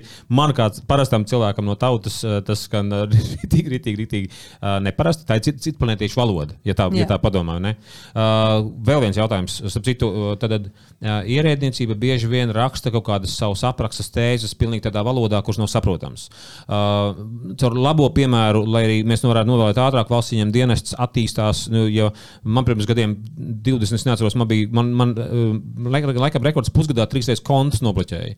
Nu, skaidri, viņi tur nokļūdījās, viņa nu, tur rīcības bija briesmīgas, ko vidus cilvēki darīja. Viņi kļūst cilvēciskāki un cilvēciskāki un cilvēciskāki. Nu, restīvi, tas, tas, tas iet uz priekšu. Uh, kas, tavuprāt, var nodrošināt šo procesu pātrināšanos, uh, efektivizēšanos? Uh, es arī gribu teikt, ka ir gan labie piemēri, gan sliktie. Tiešām paliek cilvēcīgāk šī pārvalde daudzējādi, bet ir arī nu, šie sliktie piemēri. Bet tad, tas ir tas par to valodu, ko tu saki, ko tu, nu, kā parastais cilvēks, nezinu, kāpēc tāds sev sauc, bet uh, kas vispār ir parastais cilvēks. Bet, es esmu neparasts, parastais jā. cilvēks. Okay. Tad, tad, uh, jo, jo redz, tad, kad tas viss nonāk tiesās, tad tur ir tā, tā, tā tiesību aktu valodas spēle, kas varbūt jā, mums nepatīk, jo, piemēram, tas nozīmē, ka parastais cilvēks, ka, piemēram, es, es nevaru iet baigi tiesāties, tāpēc, ka es īstenībā neko nesaprotu nesaprotu, ko no manis tur sagaida un kas tur, tur ir tāda sava spēlīte viņiem. Bet, uh, lai valsts pārvalde funkcionētu, tā spēlīte ir svarīga. Jo, ja nonāks kaut kāds procesa tiesā, tad tur tiks spēlēta tā spēle. Un tad ir jautājums, kā savienot ko mm. tu saki, to dzīvi ar to tiesību. Un tāpēc, ja mēs iedomājamies, ka viņš ir tas kanāls, tad uz to vienu pusi, uz to cilvēku pusi iet ārā tā skaidrā, saprotamā, vienkāršā interpretācija un tam līdzīgi. Bet tad tajā sistēmiskajā, tajā sarežģītajā spēlē viņa jau var notikt, un viņas nav izslēdzošas puses. Man liekas, ka tas ir tas stāsts. Tad, principā, ja tā paņem, tiešām tad ir atsevišķa tie, tiesību valoda, un tās tiesību valodas, principā, ir viņam jāsāk runāt tiesību valodā. Ja? Tāpēc, ka visa viņa rīcība ir pakļauta normatīviem aktiem, un līdz ar to tur galā ir atbildības un tā tālāk. Ja? Nu, diemžēl tāda jā. ir tā mūsdienu realitāte, jo savādāk īsti tur, nu, ja, ja visu ļoti vienkāršos vai arī tieši ļoti detalizēti aprakstīs, nu, tad mēs atkal paši teiksim, pārāk detalizēti. Nu, tādā pasaulē mēs dzīvojam. Iedomājieties, uh, man tagad ir 150 gadi, jau un es tikai tagad apmēram nu, tā, man ļoti skaisti tur, tur salikt pa plauktiņiem, ka nu, mēs nevaram uzrakstīt, ej, jau es te uzticos, dari. Nu, tur tas neies cauri, tāpēc ka tur ir ļoti daudz saistības un vēl vairāk ir kaut kādas naudas sadalas. No tālāk, starptautiskās tā, lietas un viss, kas tas jau nav tik vienkārši. Jā, vēl vairāk kaut kādas Eiropas naudas un tā. Klausies, vēl viens tas paradoks um, jautājums par Eiropas un Latvijas uh, ierēdniecības starpību prasīgumos. Pirms gadiem, trim, četriem diezgan bieži skanēja tā tēma, ka latviešu ierēģi vēl dubultīgi vēl pārcenšas un vēl pa virsmu uzliek kaut kādas nosacījumus, ko pat Eiropa neprasa. Vai tas joprojām ir kaut kāds Latvijas ierēdzības rokraksts? Kā saka, svarīgi laikam neģeneralizēt, nevis pārināt vispār uz to, mm. ka visi ierēģi ir tādi, bet vai tāda tendence ir, ja viņi ir bijuši pamainījusies, kā tev šķiet no taviem novērojumiem? Tā patiesi bija un diezgan ekstrēmi bija daudzējādā ziņā. Tas ekstrēmi. Jā, jo, piemēram, es atceros, spilgts piemērs bija, ka jātaisa cenu aptauja no 1 eiro. Tātad, ja, piemēram, grib par projektu naudu nopirkt aizkarus par 7 eiro, nu, tad jā, tev vai nu jātaisa cenu aptauja, vai tu nopirksi pats tos 7. Nu, skaidrs, ka cilvēki netaisa nekādu cenu aptaujas. Ja? Bija tādi gadījumi. Bet um, man ir grūti spriest, jo jāsaka, ka tieši dēļ šīs birokrātijas un vispār Latvijas izpratnes par nevalstiskām organizācijām es uz Latvijas finansējumu praktiski vairs vispār nepretendēju. Tāpēc kā? Nu, tieši dēļ šīs birokrātijas un izpratnes par to, kā lietām ir jānotiek, kā projekti ir jāvada, mm, ko, kādas algas drīkst būt eh, nevalstiskā organizāciju sektorā un tam līdzīgi. Tāpēc Tad viņi ir tik eh, sarežģīti, sarežģīti, sarežģīti. Pret to ieguvumu, pret to apjomu, kuru ir iespējams iegūt Latvijas projektā. Un te laikam tas sanāk, ierēdniecība vēlās vairāk drošību, ka viss tiks iz, iz, eh, sekots likuma burtam, tāpēc viņi uzliek nevis vienu nosacījumu, bet 25 nosacījumus ar, atskaitēm un tā tālāk. Tavā gadījumā, ja? Zin kā, man īstenībā ir duāls sajūts par to. Es domāju, viens ir šis, bet otrs man ir tāds sajūta, ka projekti vispār, un tas ir tas, ko pasaulē arī kritizē, ir kļuvuši par tādu uh, nu, veselu uh, nozari. Industrija, tā ir. Tu vairs nemāki, jā. cilvēks parasti nevar uzrakstīt projektu un dabūt finansējumu. Ja? Un tas, kas ir pilnīgi crazy, jo ko mēs redzam arī savā jomā, pilsoniskajā sa sabiedrībā, ka visvairāk visādas balvas un visko dabū bez jebkādiem finansējumiem īstenots aktivitātes, kas ir nu, pilsa, pilsoņu pašu veidotas, mm. bez nekādiem projektiem. Varbūt tā būtu pareizi, nevis bez finansēm. Tieši tas pats, piemēram, arī, uh, kur mēs tikko veidojam šo Ukraiņas atbalstu. Ja? Mēs praktiski nepretendējām uz nekādām tādām nu, eh, resursu lietām, projektu konkursos, jo, lai tu dabūtu to pavisam mazītiņo lietu, tev ir tāda birokrātija, ka tev vieglāk ir vienkārši nu, to brīvprātīgi izdarīt. Ja?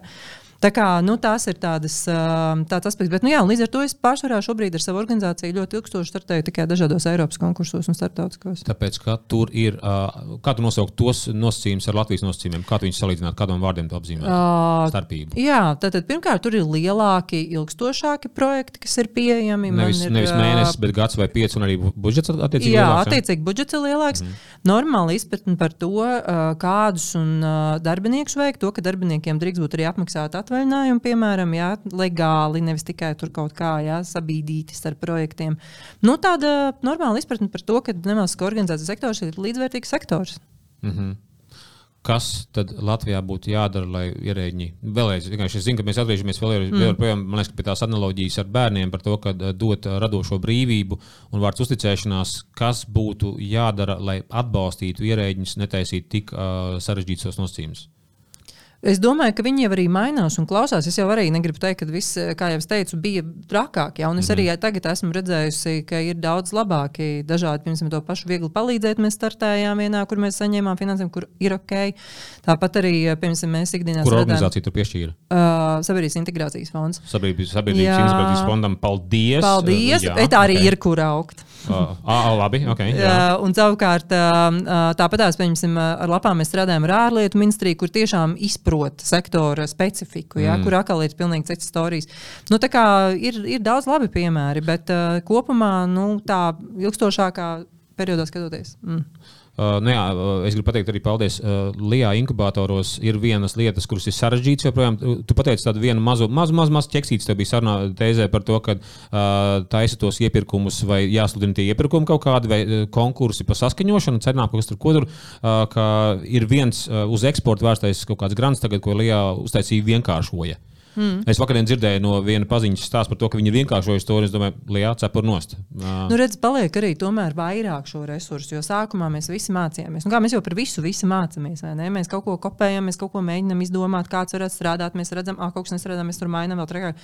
Bet es domāju, ka būs labi, būs jau labi. Mēs tikai jautājums ir, nu, cik ātri un, un, un ir atvērti tomēr arī, jo, tā, tā kā teici, es arī zinu daudz brīnišķīgus ierēģus, kur arī grib mainīt un kuri dzird un sadzird. Mm -hmm. Jā, aiziet pie tām mācību tēmām.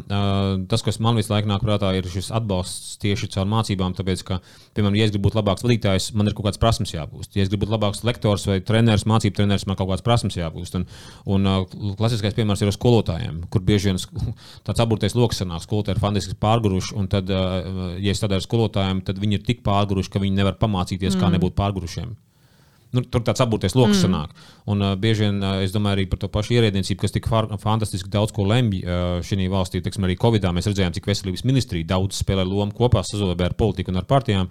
Uh, ka, jā, tas kaut kāds tas uh, domāšanu, sistematizācijas, sadarbību elements. Es vienkārši iedomājos, kuras prasmes būtu visvairāk noderējušas pirms tādā krīzes brīdī, kas mums bija ar uh, Covid.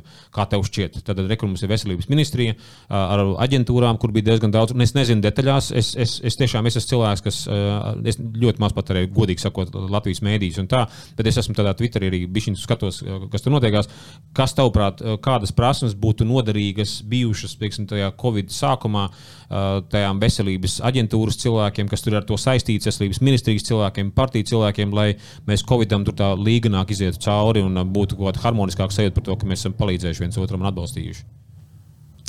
Es nedomāju, ka viņiem pat nav prasmes tik ļoti, ka uh, viņiem nav nu, tā iespēja vide. Izstāstīšu piemēru. Uh, bija tas viens brīdis, ja visi atcerās, ka visu laiku zvanīja uzdot jautājumus par, laikam bija par covid, un kur varēja analīzēt. Nu, kaut kāds bija brīdis, ka viss notika caur telefonu. Neatceros, arī, kas tur detaļās bija kaut kāds pašā sākumā. Pašs pats sākums. Pats sākums kaut kas, ka visi zvanīs kaut kādiem numuriem, tur nevarēja sazvanīt. Man liekas, ka mm. tur, kur analīzes var nodot vai kaut kādas tādas tās informācijas. Un, uh, toreiz mēs piedāvājām brīvprātīgos. Mēs teicām, rekur ir brīvprātīgie, jo mums jau bija tā pieredze, un jau tur viss notika, rekur var iet viņu un arī. Bet, redz, lai pieņemtu brīvprātīgos, vajag pārorganizēt procesus, jo tu pilnīgi visu brīvprātīgiem nevar dot. Viņš tomēr nav trenēts, viņš nav speciālists. Ja? Bet tas nozīmē, ka tev ir jāpieņem tas process, jāsadala gabalos, vai ne? Tā kā jāapsēžas, jā, to es atdodu brīvprātīgiem. Nospēj cik par viens un runās ar vieniem, kur jā, ir eksperti. Nospēj cik par divu, un tev būs tas. Piemēram, tas, tas, jā, jā, kaut ko tādu tev vajag tos organizēt. Un redz, ja nav tā uh, prasme domāt out of the box par to notiekošo jau procesu, tad uh, nu, viņu nevar arī mainīt. Un tad beigās tur pieņēma vairāk darbinieku, un viss tur kaut kas tur notika formāli, jo tur bija arī saistīts laikam ar informācijas pieejamību un tam līdzīgi. Nu, katrā ziņā tas nebija neatrisināms, bet tas prasīja ilgāku laiku. Nu, lūk, līdz ar to es domāju, tas ir tā, tā, ir tā atbilde, ka uh, varbūt tāda spēja apstāties un paskatīties uz šo procesu, kas notiek pavisam savādāk. Viena lieta, kas man, manuprāt, ir beigas svarīgā, un otra ir šī sadarbība un arī uzticēšanās. Nu, nebaidīties, ka nenāks tie brīvprātīgie. Nu, tā sajūta par cilvēkiem no ielas bieži vien ir, ka tie ir kaut kādi nu, pilnīgi totāli neprofesionāļi. Bet es, tu, mēs arī esam tie cilvēki uz ielas, ka varēja to telefonu celt. Nu, vai tad tu nemācētu pat pateikt, kurā vietā analīzes var nodot mācēt? Paldies par uzticēšanos. Nu, ja. bet, bet, tā, bet tas ir kaut kas, vai ne? Tas stereotips, tie burbuļi, kuros mēs dzīvojam, ka mums liekas, ka lūk, tie cilvēki no ielas tie ir neko, nekompetentie. Ja? Bet tā jau nav. Tā kā uh, tas visu laiku tā nu, virpinās ap vienu un to pašu, lai vai ko mēs ar tevi runātu. ko tu domā par izglītības ministriju? Tas gan jautājums. es sen esmu bijis tā, beigas saistīt ar viņiem. Nu, man bija gan jāatzīst, tikko Ņujorkā saskara ar izglītības ministriju un arī, arī ar uh, cilvēkiem. Uh, man palika ļoti pozitīvs iespējas par cilvēkiem, kas sadzird, uh, par cilvēkiem, kam uh, interesē. Uh, bet uh, tas, protams, nav par visu ministriju. Es, nezinu, es domāju, ka tur ir dažādi cilvēki, tāpat kā jebkurā. Mm. Es paprasīšu tādu uh, kopējo tēmu, kas ir saistīta ar izglītības uh, funkciju kā tādu, lai palīdzētu bērniem attīstīties. Uh, cik tavuprāt, no 1 līdz 10, tas ir ļoti abstrakt un ļoti subjektīvi, loģiski. Uh, tavuprāt, izglītības uh, sistēma dod tavam bērnam, vispār bērniem kā tādiem, to, ko varbūt varētu un ko tu novēlētu iedot bērniem? Droši vien man gribētos, lai tu paprastu to bērniem, nevis man. Bet, uh... Nu, jā, man kā mammai bieži vien ir jāpārmāca lietas, uh, Piemēram. bet es nerunāju par matemātikas formulām. Bet, uh, tas varētu būt smieklīgi, ka tu pārmācītu uh, 9,8 metru sekundē brīvās gravitācijas to, to lietu. Pār... jā, diskrimināta formula ir cita.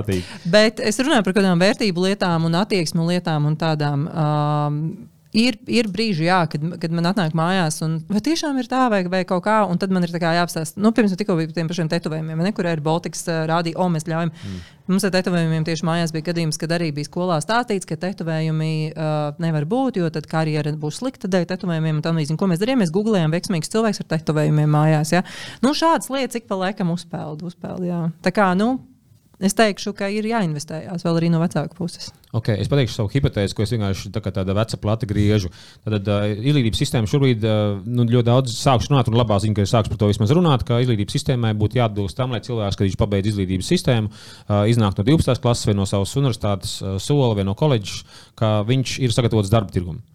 Uh, man šeit parādās tāds ļoti elementārs aspekts par to, ka vajadzētu būt runa arī par to, ka es kā personiskā cilvēks zinu, kā attīstīties, zinu, kas es tāds esmu attiecībā par fizisko veselību, par maniem domāšanas modeļiem, uh, par, arī par seksuālo intelektu jautājums. Tāpēc, tas ir, izra... Es esmu dzirdējis, ka diezgan daudz cilvēku nesaprot, kas vispār ar to notiekās. Un ir vēl viens aspekts, ir ģimene. Tad darbs, ģimene un uh, personiskā dzīve. Kā tu nokomentētu no šīs puses, tāpēc, ka es zinu, ka nu, izglītība tev ir bijusi liela tēma uh, tavā, tavā dzīvē, un mēs esam arī kopā bijuši mācību procesos. Kāds tev ir komentārs attiecībā par šo?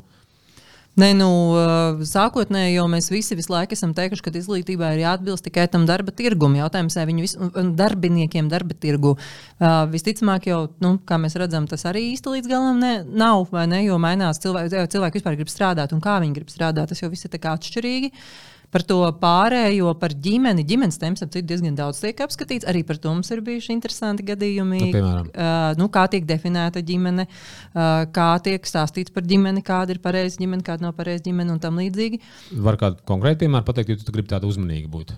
Nē, tur nav ko būt uzmanīgam. Nē, nu kā, nu, normatīvi mums ir definējums atversmē, ne, kas ir ģimene, bet tad ir jautājums, vai mēs skolā ļaujam par to diskutēt vai neļaujam. Un, jo tā realitāte, ko bērni redz dzīvē, ir cita. Un, un, un, piemēram, kā, nu, piemēram, nezinu, tur viena dzimuma ģimenes, viena vecāka ģimenes, vecmāmiņa audzina divus bērnus, un ģimeņu veidi ir dažādi.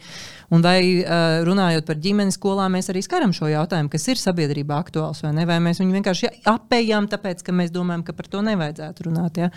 Nu, tādas lietas, un tā kā par to ģimeni arī es tur nezinu, cik, cik ir tā sagatavotība un visu par personīgo. Nu, tur ir mans vecais stāsts par tām vilnas zeķēm, ja, ko es zinu, ka man uj, visi tūlītās jau nositīs par to, ka uh, vilnas zeķis ir baigs svarīgā lieta. Ja. Bet uh, man tiešām neliekas, ka mūsdienās jāiemācās skolā adīt vilnas zeķis. Tad labāk ir saprast, es nezinu, uh, kā veļu izmazgāt, kāda veļas pulveru sastāvi un tam līdzīgas lietas. Ja. Tā kā, nu, tas tāds, uh, nu, es, es nomocīju to zeķi. Tad tev bija vēl e, pašai jāda. Nu, man mamma bija.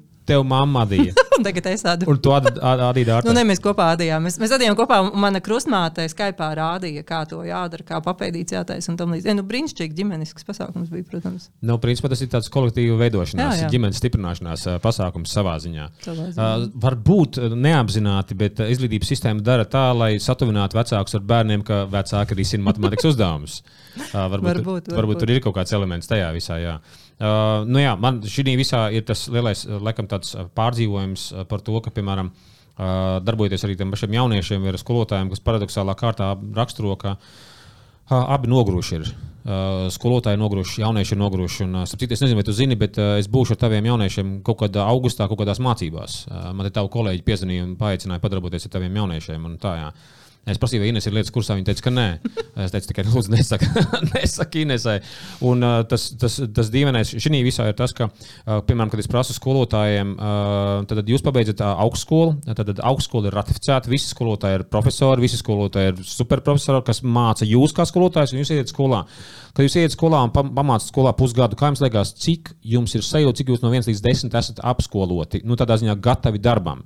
Kāds, kāda ir tava minējums, kāda viņa cipara saka parasti? Kad viņi augstskolā ir pamācījušies? Tad ne, viņi jau ir skolā. À, jau ir skolā. Viņiem ir jautājums, cik jūs, bijāt, à, cik jūs tikāt sagatavoti tādā ziņā, ka jūs ieiet no augstskolas? No septiņi. Mm. Mm. Mm. Tie, kas ir mājās, tie arī var pafunkcionēt, kas pa ciparu uh, no 2 līdz 4. Mm.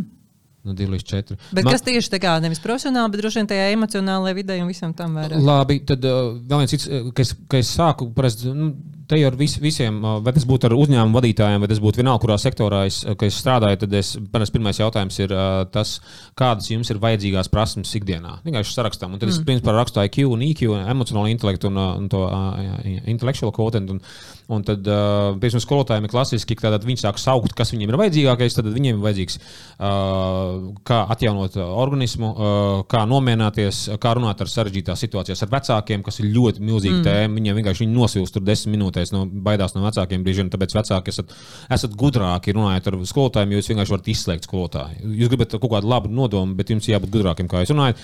Uh, tad ir jautājums par sadarbību, tad ir jautājums par uzstāšanos, par kaut kādu pacietību. Uh, un tad es prasu, burtiski viņi parasti nober tās lietas, un es prasu, jums zināšanas ir vajadzīgas. Ah, un zināšanas arī mums ir vajadzīgas, mums ir mācība priekšmets jāpārzina tā tālāk. Un tad es prasu, ko no šī jums mācīja tā, tā labā puse, kur ir emocionālais intelekts mm. ar visām tām lietām, kas ir soft skills, praktiski nekas nav. Bet vienā konferencē, kas laikam Liepājā, uh, tur bija kaut kādi 500 skolotāji zālē, un viens uh, pats ir roka. Nē, mums komunikācija mācīja. Es domāju, o, oh, kolosāli. Es tiešām lieliski mm. kaut kur mācīju, un es prasu, un cik ilgi. Jo komunikācija principā var mācīties, un viņi gadu ir jāmācās, lai nomainītu savus ieradumus mm. no ģimenes, no tālāk, no projām, lai uzlabotu, uz kuru pusi gribi. Un viņš saka, trīs stundas. Mm. Okay. Tad divi līdz četri. Taču taisnības labā jāsaka, tas nav stāsts tikai par skolotājiem. Tas ir stāsts arī par to, kas ir banku sektorā, ko te prasīja nesen uh, saprotiskā bankā. Ārzemēs man bija mācības, un uh, viņi teica to pašu. Viņiem arī mm. banku sektorā, kas ir nu, ārzemēs, man liekas, ka tur laba, laba izglītība tajā valstī ir. Arī viņi teica divi līdz četri.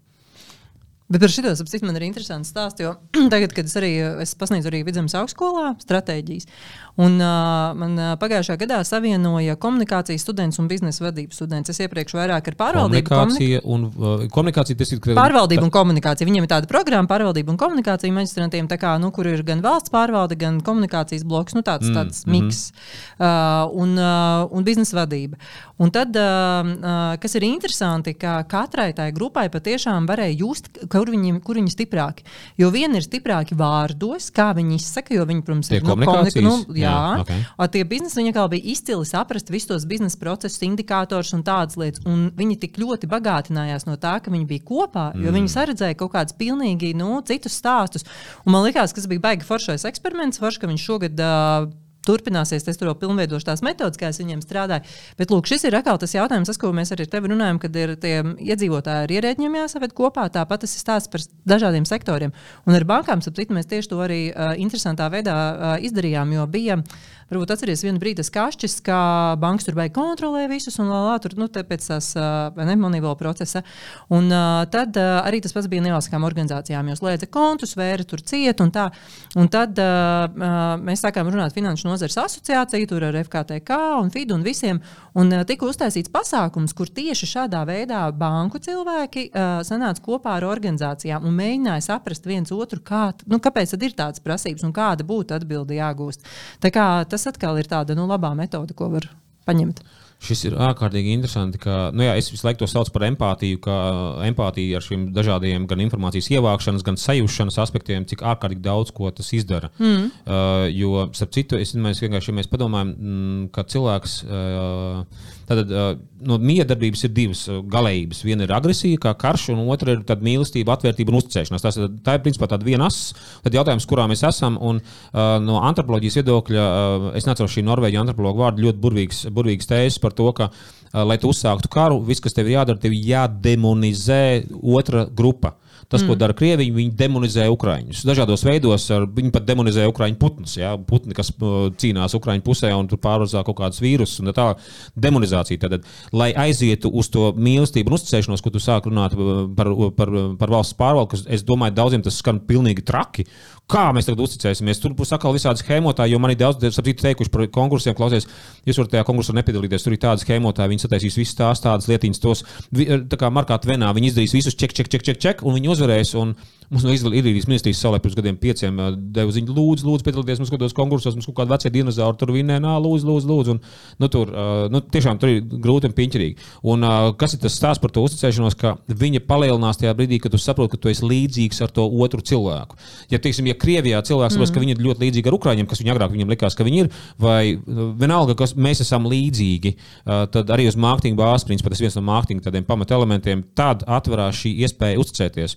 Un šis empātijas empātijas elements varētu būt tāds jautājums, kā to sistēmiski risināt. Katrā industrijā, ka tu vari sajust to cilvēku. Principā tā varētu būt viena no funkcijām, komunikācijas daļām, ja, ministrijās piemēram, kā ik pa laikam taisīt tikšanās ar tiem cilvēkiem, nu jā. kuriem tu strādā, kā tu strādā. Nu, jā, bet tad ir jautājums arī klausoties tevī, domāju, kas tev liek domāt, ka tu neesi tas cilvēks? Jo tas bija ļoti interesanti, ka tad, kad es aizgāju no valsts pārvaldes, es kļuvu nu, tāda kārtu zemāka daudziem iepriekšējiem kolēģiem. Ar daudziem man ir vēl ar vienu brīnišķīgas attiecības.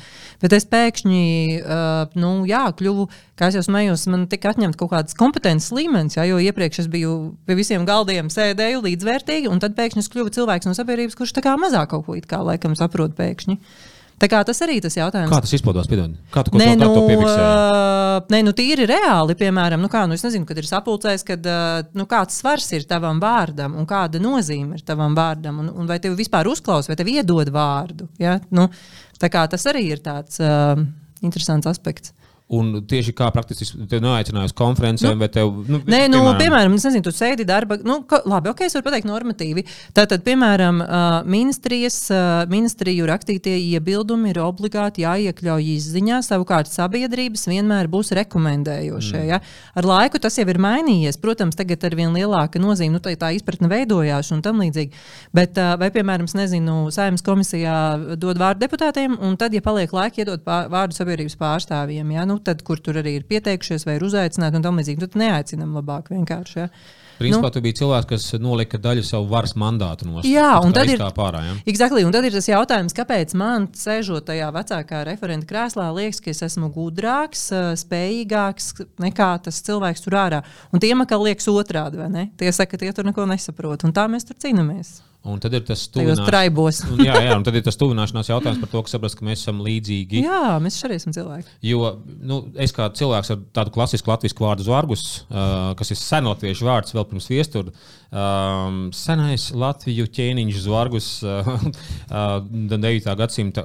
Es arī sapratu, cik lielā mērā, kad es palieku kā baltais virbulis, tā oficiāli paliek baltais virbulis. Tad Latvijā baltais virbuļi ir geji, un tad vēl kaut kādi dīvaini cilvēki, kas dīvaini, dīvaini, dīvaini saucās. Un tā, jā, un vēl daži. Mm. Uh, un, uh, kā es saprotu, ko tu saki. Un, mm. Tā ir patiesībā viena no tādām īpatnējām lietām, ka uh, es esmu sapratis, ka tā man ir bijusi milzīga skola, uh, ka tu ieraugi, kā cilvēks tev skatās kā uz, uz, uz balto virbuli. Uh, tev ir bijusi šī sajūta, ka tu esi tiešām noatšķirīgojusies no tā, kur tu biji. Jo valsts kancelēm liekas, ka viena no tādām nu, ierēdniecības tas ir tā kā, tā kā augst, augstākajām latiņām. Jā, varbūt tāpēc tas kritiens bija tik liels, bet, bet īstenībā. Un tu jūti tiešām to kritienu. protams, nu, tā kā es riktīgi jūtu. Bet, bet jā, man, protams, ir bijis Covid piemērs. Ja? Stratēģiskā grupa, pie, kura vada premjeras, kurā ir LDDK, LTRK, LPS. Nu, mēs tur kā, pāris no sabiedrības, mm -hmm. es esmu no mhm. memoranda padomus ievēlēta kā no nevalstiskā organizācija pārstāv pāris ministri.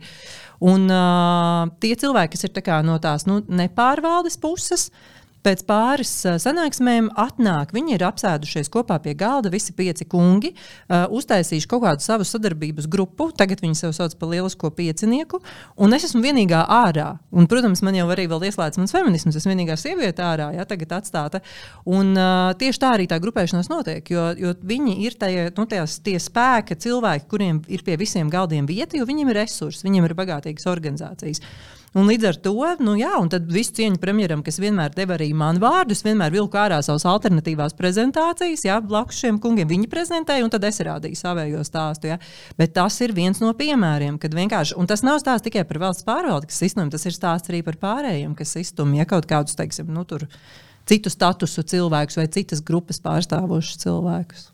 Kas zīmīgi. Um es nesaukšu vārdā, bet uh, ir viena Latvijas slavenība, kur arī kaut kādā brīdī izdarīja kaut ko pišķiņu dīvainu. Tas nav vairs trūsmas, vai tas neesmu tur es vai vēl, bet es pats priekš sevis piefiksēju, hmm, tas gan ir īpatnējs ka ir kaut kā tā reptīlā smaddzene, kas kaut kādā mm. brīdī, nu, kā mēģina, ja tas ir nesaprotams, tas ir bijis riskants. Mm. Šis nesaprotamības elements, ņemot vērā, ka es domāju, ka, nu, kā tu esi daudz ar Āfriku strādājis, līdz ar to arī mm. tev ir vien atpazīstams šis aspekts, kā pret Āfriku izturās, teiksim, Eiropa vai ne, un kā veidojās šie kaut kādi neapzinātie uh, rasismi, kurus vienkārši tu pat nu, nepiefiksē pats sevi. Starp citu, rekur jautājums arī par to pašu, ko mēs pirms, pirms sarunas runājām par šo open-minded vai close-minded society, kur uh, no mārketinga pētījumiem bija tas, ka uh, Igaunijā bija 40% open-minded, tāda atvērtā sabiedrība, un kas ir tāda, nu, kā jau pasaka, saprot cilvēcisko vērtību, prioritārismu, un Latvijā tāda bija divreiz mazāk, laikam 20%. Kā tevi sajūt par šo, un kā tas spēlē lomu vispār mūsu sabiedrības attīstību kā tādu? Mm, nu, es domāju, ka tam ļoti liela nozīme ir arī par uh, resursiem. Jo, jo skaidrs ir tas, ka jebkas, kas ir svešais, viņš mūs apdraud. Un tas ir tas, ko es vienmēr stāstīju, analizējot savu limbažu piemēru. Ja, ka tad, kad es pirmajā dienā laimīgi atnācu uz uh, Limbažiem, un es tajā brīdī arī biju nu, uzaicināta novadīt vienas mācības tieši Limbažos, un es priecīgi tiem cilvēkiem stāstu, re, kur es pār ielai dzīvošu, un tam līdzīgi apmēram būšu jūsējā. Un man viena sieviete saka, mums te pietiek, kas projekts raksta. Ja? Tā kā nu, apmēram man jau tika norādīts, ja? ka tā kā nenāca šajā lauciņā. Bet, uh, bet, jā, bet tas, tas, man liekas, ir tas stāsts par to, ka viss, kas ir svešs, viņš it kā mums mazliet biedē, jo viņš var mums kaut ko atņemt. Kaut kādas jaunas grupas tagad sāk runāt, kaut kas tur jau un tam līdzīgi nāks tagad kaut kādi vēl cilvēki jauniekšā. Viņš mums atņems mūsu darbvietas. Izrādās, ka mēs tajā darbvietās paši neviens negribam strādāt. Ja? Nu, tas ir nu, diezgan tā klasiski, es teiktu. Mēs laikam aizējām uz to. Uh piemēru no antropoloģijas, ka apakšā ir, ja ir agresija to otru cilvēku un uzticēšanās un mīlestība, tad uh, tas viss bāzējas uz informāciju. Uh, uz informāciju, cik viņa ir adekvāta, ka es jūtu, ka tas cilvēks ir līdzīgs. Jo, principā, mēs visi esam ļoti, ļoti līdzīgi. Jautājums, ka katram ir kaut kādas savas atšķirības, bet, lai, nu, kur bija tas piemērs no tās antropoloģijas, kā lai veidotos karš, uh, ir jādemonizē otra puse, kas nozīmē, ka jārada kroplīgs priekšstats par tiem cilvēkiem. Uh, kroplīgs, nepareizs, nepatiesa uh, nepat, nepaties informācija, turklāt viņi ir sašaurināti un kropla, un tad es varu būt agresīvs kā pret necilvēkiem viņiem.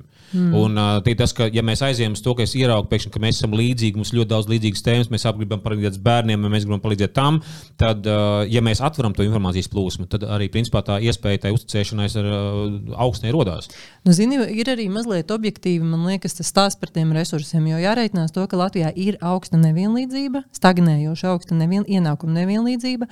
Tomēr uh, ir tā, ka ir cilvēki, kuriem tie resursi ir objektīvi mazāk. Viņiem ir objektīva tā baile, ka viņiem kaut ko nav runa par to, ka mm. tagad man negribās dot, tāpēc ka man negribās, jo man tur gribas tur otru mašīnu, trešo un tam līdzīgi.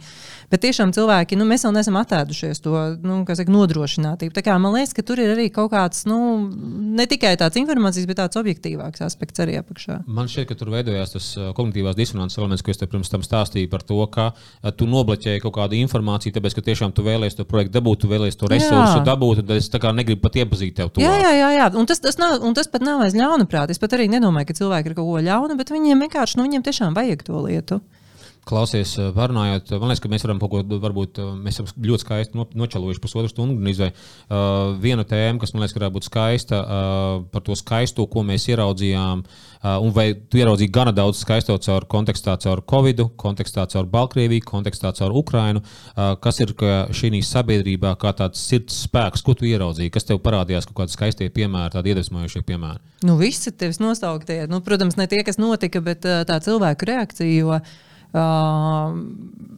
ikdienā mēs neredzam, nu jā, mēs, es varbūt redzu tos aktīvos cilvēkus ikdienā, bet uh, to, ka pati sabiedrība tik daudz ko var izdarīt. Un Covidā cilvēki vienkārši salika pārtiku mašīnā, brauca, iedeva, kam vajag. Ja?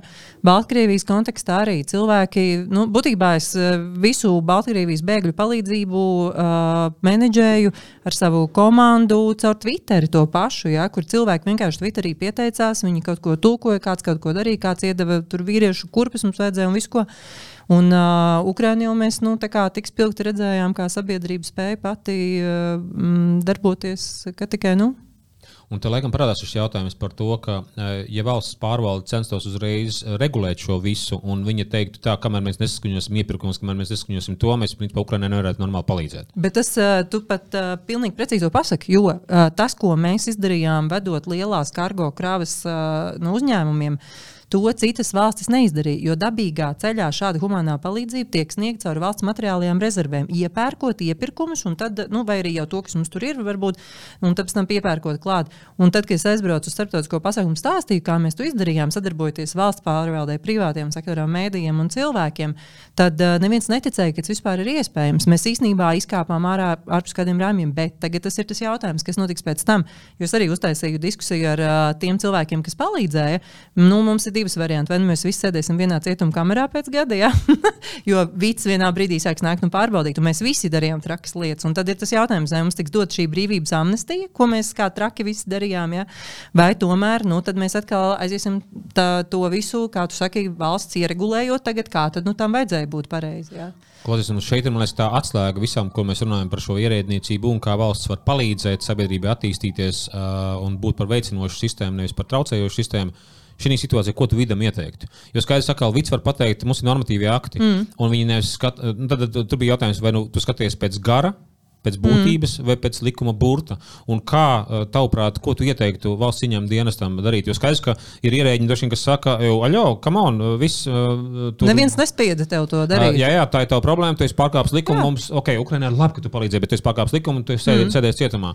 Vai otrs variants, kas, kas ir tas variants, kas ir risinājumi? Nu, es domāju, ka mums tā saruna izdosies. Es vienmēr esmu pozitīvi noskaņot, un tas, ko es izdarīšu, es vēl aptaujāšu vēl citus darītājus, jo tas bija tāds salīdzinoši mazs sloks, kas mēs par to runājām. Un es savākšu šos visus piemērus, kas ir lūk, šis mans darbs, ko es daru. Ja es savācu, un tad es mēģinu būt tas kanāls starp to ierēdni un to tiesību aktu. Ja? Jo, ja ierēdņi varbūt visi uzreiz nevar būt kanāls starp sabiedrību, tad tur vēl pa vidu šobrīd esmu es, un es mēģināšu tagad to visu sarunāt un transferot un runāt, ka varbūt nu, mums ir svarīgi priecāties par to labo piemēru, kas notika ar atbalstu Ukraiņai, nevis sodīt cilvēkus, lai nākamajā krīzē viņi vienkārši neko nedarītu. Kas ir tas, kas vidam tur varētu nepatikt?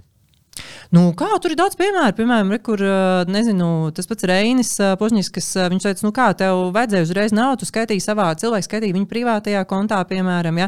Mēs arī pirmo kravu aizlaidām nu, pirmajās dienās, tā kā mēs viņu varējām aizlaist. Pēc tam jau mēs sapratām, kā tie dokumenti jākārto, visu izdarīt. Mm. Bet tā nu, māsu histērija mums visiem piemita ja, tajā pirmajā brīdī, pat neskatoties to, ka varbūt mēs zinājām vairāk nekā, jo mans ikdienas darbs arī ir saistīts ar humano palīdzību, bet tāpatās jau tur vēl daudz kas arī mainījās tanī pusē. Tā kā, nu, jā. Uh, tātad uh, valsts ieņem dienestu, es nezinu, no sistēmas viedokļa, kas ir tas, viņiem nu, tāda panta jau viņiem nav. Uh, vai tas varētu būt viņiem pants, force majeure iemeslu dēļ, mēs varam tagad šo situāciju izskatīt caur citu leņķi vai, vai kā? Nu, tas ir politisks lēmums, jo mēs tas uz šo diskusiju arī aicinājām valsts ieņēmuma dienestu. Viņi teica, ka nu, tas ir politisks lēmums. Mums bija finanšu ministrijas pārstāve, mm. kas bija ierēdne arī klāt, un viņa arī bija nu, izprotošā un dzirdošā, bet mm. šādas lietas lietas. Un, protams, ir jautājums par nu, cik tālu arī. Ja? Nu, skaidrs, ka, nu, bet es arī nedomāju, ka tur kāds ļoti ļaunprātīgi tajā tiešām pirmajā mēnesī, piemēram, tur jau skaidrs, ka tur pēc mēneša jau viss bija sakārtojušies. Nu, kur gribēja, tie sakārtojās. Ja? Bet, bet tas ir tāds jautājums, kas ir tagad tāds aktuāls. Un man, un man tieši ir tā dilemma par to, kas, kādas sekas tas dabu, uh, radīs uz sabiedrības iniciatīvu vēlāk. Vai sabiedrība būs drosmīga rīkoties krīzes situācijā, vai sabiedrība, jo, ja mēs iedomājamies no tādas no militārās kārtības viedokļa, labi jau ir, ka nekustās vai ne, ka sēž uz savas somas 72 stundas, neiet ārā, neko nedara. Tas jau būtu viņiem vieglāk. Nu, tur tādas dilemmas. Jā, uzticēšanās, uzticēšanās un vēlreiz uzticēšanās. Uh, man liekas, Somija šī gadījumā nāk prātā. Es, es esmu ideālistisks par Somiju. Es domāju, ka es ļoti daudz ko nezinu, un tur ir kāda visādi nianšu un tā tālāk. Protams, arī viņiem tas Covid režīms bija diezgan bargs. Uh, viņiem uzticēšanās līmenis ir augstāks, viņiem liekas, ka daudz augstāks daudz, daudziem parametriem. Un kur tieši ir tā atslēgta uzticēšanās? Tas ir sabiedrība valstī, valsts sabiedrības citu, uh, vai ir mērījumi par to, uh, kāds ir valsts pārvaldes um, uzticēšanās līmenis pret sabiedrību. Ir tajā virzienā vispār arī tāds. Nē, esmu nekad redzējis ļoti labu ideju. Jo, man liekas, tas ir fundamentāls jautājums. Uh, pateikšu piemēru. Uh, nu jā, man, uh, man ir kaut kādi vairāki ierēģi teikuši, uh, ka mums tajos, ierē, nu, tajos iepirkumos ir apsēduši kaut kādas tās organizācijas. Viņi zina visu, kā to atķeksēt, kā tur dabūt to un to naudu. Uh, un, uh, un es, es, es saku, es arī tā iemesla dēļ, uh, nu, burtiski, nu, tur, tur nav ko cīnīties. Uh, tāpēc, man gribās vienkārši taisīt labas mācību procesus, kas ir pieejams pasaules līmenī. Un, um, ja valsts pārvalde uzticās cilvēkiem, uh, tad uh, ir tikai viens jautājums. Šeit rekrutēties nu, kaut kādi cilvēki, kas schēmo vienkārši rekrutēs tāds un tāds, tāds iepirkums. Ko ar to darīt? Nē, nu skaidrs, ka jau tā uzticēšanās ir uh, vajadzīga no abām pusēm. Un, uh, es domāju, ka tur var darīt, jo nu, es tādā ziņā esmu tāds arī, nu, kā jau teicu, man patīk gan tos valsts kontrolas ziņojumus lasīt, gan iepirkums, gan tādus. Nu, tas ir jautājums par kritērijiem, tas ir jautājums par kritēriju svariem un tam līdzīgi. Tā tad nav varbūt par kaut kādiem kvalifikācijas kritērijiem, kam mēs ļaujam kvalificēties vai kam mēs neļaujam kvalificēties. Nu, tās ir baigi, tur jāiet iekšā detaļās, lai to saprastu. Skaidrs ir tas, ka vienmēr būs cilvēki, kas sistēmas izmantos un apies. Nu, tā, tā tas notiek. Un tad, jā, nu, tas atkal ir tas izglītības, vērtību jautājums, kas nāk iekšā arī. Jā, ja man vienmēr bija tāds sajūta par to, ka, piemēram, ir kaut kāda iepirkuma un konkursa vai vienalga, kas es esmu par to, lai, ja uzvar kāds, kas ir daudz jaudīgāks par mums, es esmu vienkārši priecīgs. Tāpēc, ka tiem bērniem, jauniešiem, vienalga kādiem uzņēmumiem, tiks labas mācības. Mm. Kolosāli, vienkārši fantastiski. Savukārt, ja ir kaut kas tāds, kas vienkārši, nu, man bija viens piemērs, kā izglītības ministrijā uh, par augstu, augstu līmeņa konsultantu kļūt cilvēks, es redzēju, kā viņš strādā kā lektors. Uh, šis cilvēks un nu, ļoti viduvēji. Vienkārši tas ir iedomājies lektoru, kas ir strādā ar auditorijām, kas iesaista, runājās, un tur cilvēki vienkārši stunda paiet nemanot. Tad tas ir cilvēks, kas sēž, viņam ir prezentācija, viņš lasa prezentācijas tekstus. Un tāds cilvēks ir konsultants uh, Ilīdijas ministrijā. Tad es saprotu, okay, tad, ko viņi saprot un kā viņi saprot. Skaidrs, ka tur ir labi cilvēki, kas ir tajā visā sistēmā, un uh, lai viņiem izdodas un tā tālāk. Bet uh, šis ir tas jautājums par to kvalitāti. Jā. Kā nodrošināt ar šiem visiem parametriem, kas ir visos tajos iebrukumos, to kvalitāti. Un šis jautājums, man liekas, ka es, es, es vismaz sadzirdu tādu, to, ka tā empātija, tā otras puses iepazīšana, iespējams, varētu būt viena no tām lielajām lietām, kas var palīdzēt. Tā kā sajust to drēbi, ja mēs varam teikt, ka cilvēks ir kā drēbe, kur vienkārši vajag sajust, kas tas ir, ka mēs esam līdzīgi un ka mēs principā esam par vienām, patiesībā bieži vien vērtībām, principā mēs iestājamies. Nu, tā vajadzētu vienā valstī. Klausies, šis ir visdīvainākais jautājums, ko es parasti beigās prasu, un ņemot vērā, ka tu neesi gatavojies tam jautājumam. Um, Tātad privātā dzīve mums ir atsūtījusi divus jaut 12 jautājumus. Tas prātīgi būtu, vai ne? Uh, kas jauns privātā dzīve? Šis ir pirmais unikālais viņa koprojekts, ko mēs mēģinām iedzert. Uh, Koņak, lūdzu. Uh, tad uh, šis jautājums ir tāds, um, un ņemot vērā, ka viņš ir tāds vienkārši uz vietas, uh, skaidrs, ka tas būs pilnīgi subjektīvi un, un tā intuitīvi ja tev pateiktu, kas ir, un palūgtu pateikt, kas ir trīs lietas, ko tu gribētu mainīt, vienalga kādā aspektā, makroekonomiskā, mikroekonomiskā, valstiskā, lokālā, personiskā līmenī, trīs lietas, ko ieteiktu mainīt, lai šai sabiedrībai kopumā un cilvēkiem būtu iespēja vairāk attīstīties un dzīvot un iet uz priekšu ar sajūtu to, ka mēs ejam labā virzienā.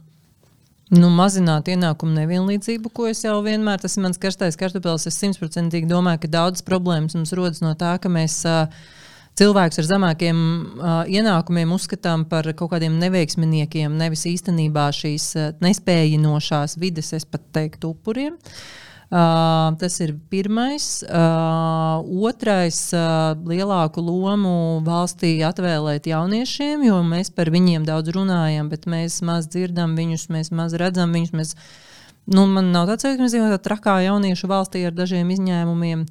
Uh, tā. Vai par tiem jauniešiem, kamēr domā trešo, vai par tiem jauniešiem nav šī sajūta, ka, nu, kā tu vari uz viņiem paļauties, viņi taču nav eksperti. Es tagad vienkārši kādu skeptisko balsi, kas ik pa laikam var, var, var izskanēt. Nē, nu, lai viņi ķēpās tām sienām vismaz. Okay, labi, labi. Bet mm. varbūt tas stāsta par to, ka mēs redzam, ka kaimiņu valstīs, kur ir 30 gadīgi ministri, prezidenti un ministri un tā tālāk, tas ir stāsts par to. Jā, tas nu, jā, 30 varbūt ir jaunietis. Man vairāk stāsts ir par to, ka, piemēram, es Limbažos neredzu jauniešus. Viņu tur nav. Nu, viņi ir skolās, tur noteikti foršas lietas, bet kur ir jaunieši vidē, vai kur ir kaut kādas jauniešiem vajadzīgas, kur viņi staigā, es viņus vispār neredzu. Bet taču tur ir jaunieši. Nav tādas vietas viņiem. Vai viņas ir jārada, vai jāļauj viņiem pašiem vadīt, radīt, es nezinu. Bet kaut, kaut kā viņiem ir jāvajadzīga lielāka vieta. Un es domāju, ka tur arī liela nozīme ir tam, nu, tam vecajam pauģu konfliktam. Ja tur nolauž limbažos liepiņus, o jaunieši nolauž. Nē, nenolauž jauniešu liepiņus uzreiz. Ja? Nu, tādas lietas. Uh, tā tad uh, jaunieši, ko es teicu, ienākuma nevienlīdzība, un trešais Nu, labi, lai iet man mīļā tēma par feminismu, par uh, vairāk iespējas radīt sievietēm iesaistīties uh, politikā caur uh, kvalitatīvu viņu atbalstu, lai būtu bērniem bērnu dārzi, uh, es nezinu, kaut kādi auklīšu dienesti vai kaut kādas tādas lietas, lai viņas būtu līdzvērtīgas, lai viņas arī varētu vakaros ar tiem vīriešiem sēdēt darba grupās un spriest, nevis skriet vakariņas taisīt. Okay. Uh, pateikšu vienu īpatnēju lietu, kad mēs runājam ar uh, kolēģiem, ar Ilmāru uh, Pļāpājām. Un, uh, tu esi pirmā sieviete viesis šajā sanā, un es, es biju šokā. Es biju reālā šokā, un tad es sāku domāt, uh, Uh, kas ar mani notiekās. Jo es galīgi nu, liekas, esmu tāds, kas ļoti, ļoti grib šo nu, samērīgumu visos mm. jautājumos un tā tālāk. Un, šis ir patiesībā arī tāds, ka tu pats pēc sevis, nu, man identitāte ir tiešām tāda, es esmu galīgi par to atvērts par minoritātēm un atbalstīt visus šos cilvēkus, bet ever, un, un man komandā pārsvarā ir bijuši, man liekas, vairāk sievietes nekā čaļu un tā tālāk. Bet šis ir tāds arī tāds interesants, kas te notiekās, ka mēs to nepiefiksējam. Tas ir, ir jāpiedomā, jo es jā. arī tieši tāpat piedomāju visu laiku savā sociālajā sociālajā vidē, aicinot vairāk runāt vīriešus. Jo vienmēr liekas, ka tā sociālās tēmas brīvprātīgi ir tāda sieviešu lieta, ja viņam jau patīk sabiedrība. Un tad es mēģinu arī, lai man diskusijās tieši ir arī tā vīrieši, lai cilvēki redz, ka arī vīriešiem mm. rūp vai ne. Tā kā, mm. tā kā ir jāpiedomā, man arī ir jāpiedomā. Šis ir interesants dažreiz kaut kādās lekcijās, kad es kaut ko tur nu, stāstu par empātiju, un uh, tad brīžiem uh, es redzu tādu tā kā bišķiņu izbrīnu kaut kādās situācijās par cilvēku sajūšanu un vēl kaut ko, vēl kaut ko. Tad es saku, ka es esmu beigais pinkšķis, kas var noraudāt visas sievietes visās filmās un tā tālāk.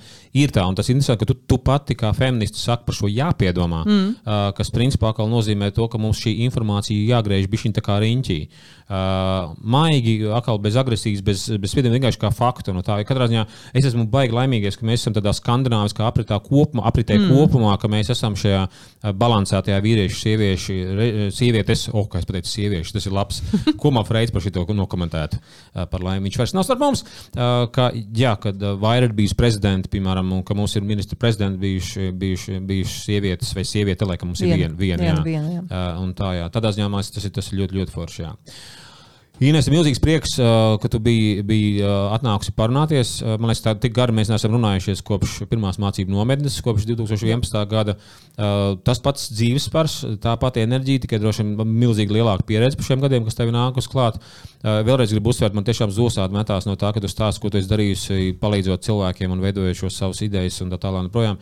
Milzīgs, milzīgs tev paldies. Duku tev turēt, un es jau pieļauju, tad mēs tāpatās tiksimies kaut kādās mācībās un visādos projektos projektos un uh, sirds projektos. Paldies! Labi, čau, čau! Paldies visiem Innovating Humanity, uh, lai jums sirsnīga mājās dzīvošana, kopā dzīvošana un, un uh, sirdsprieks dzīvot.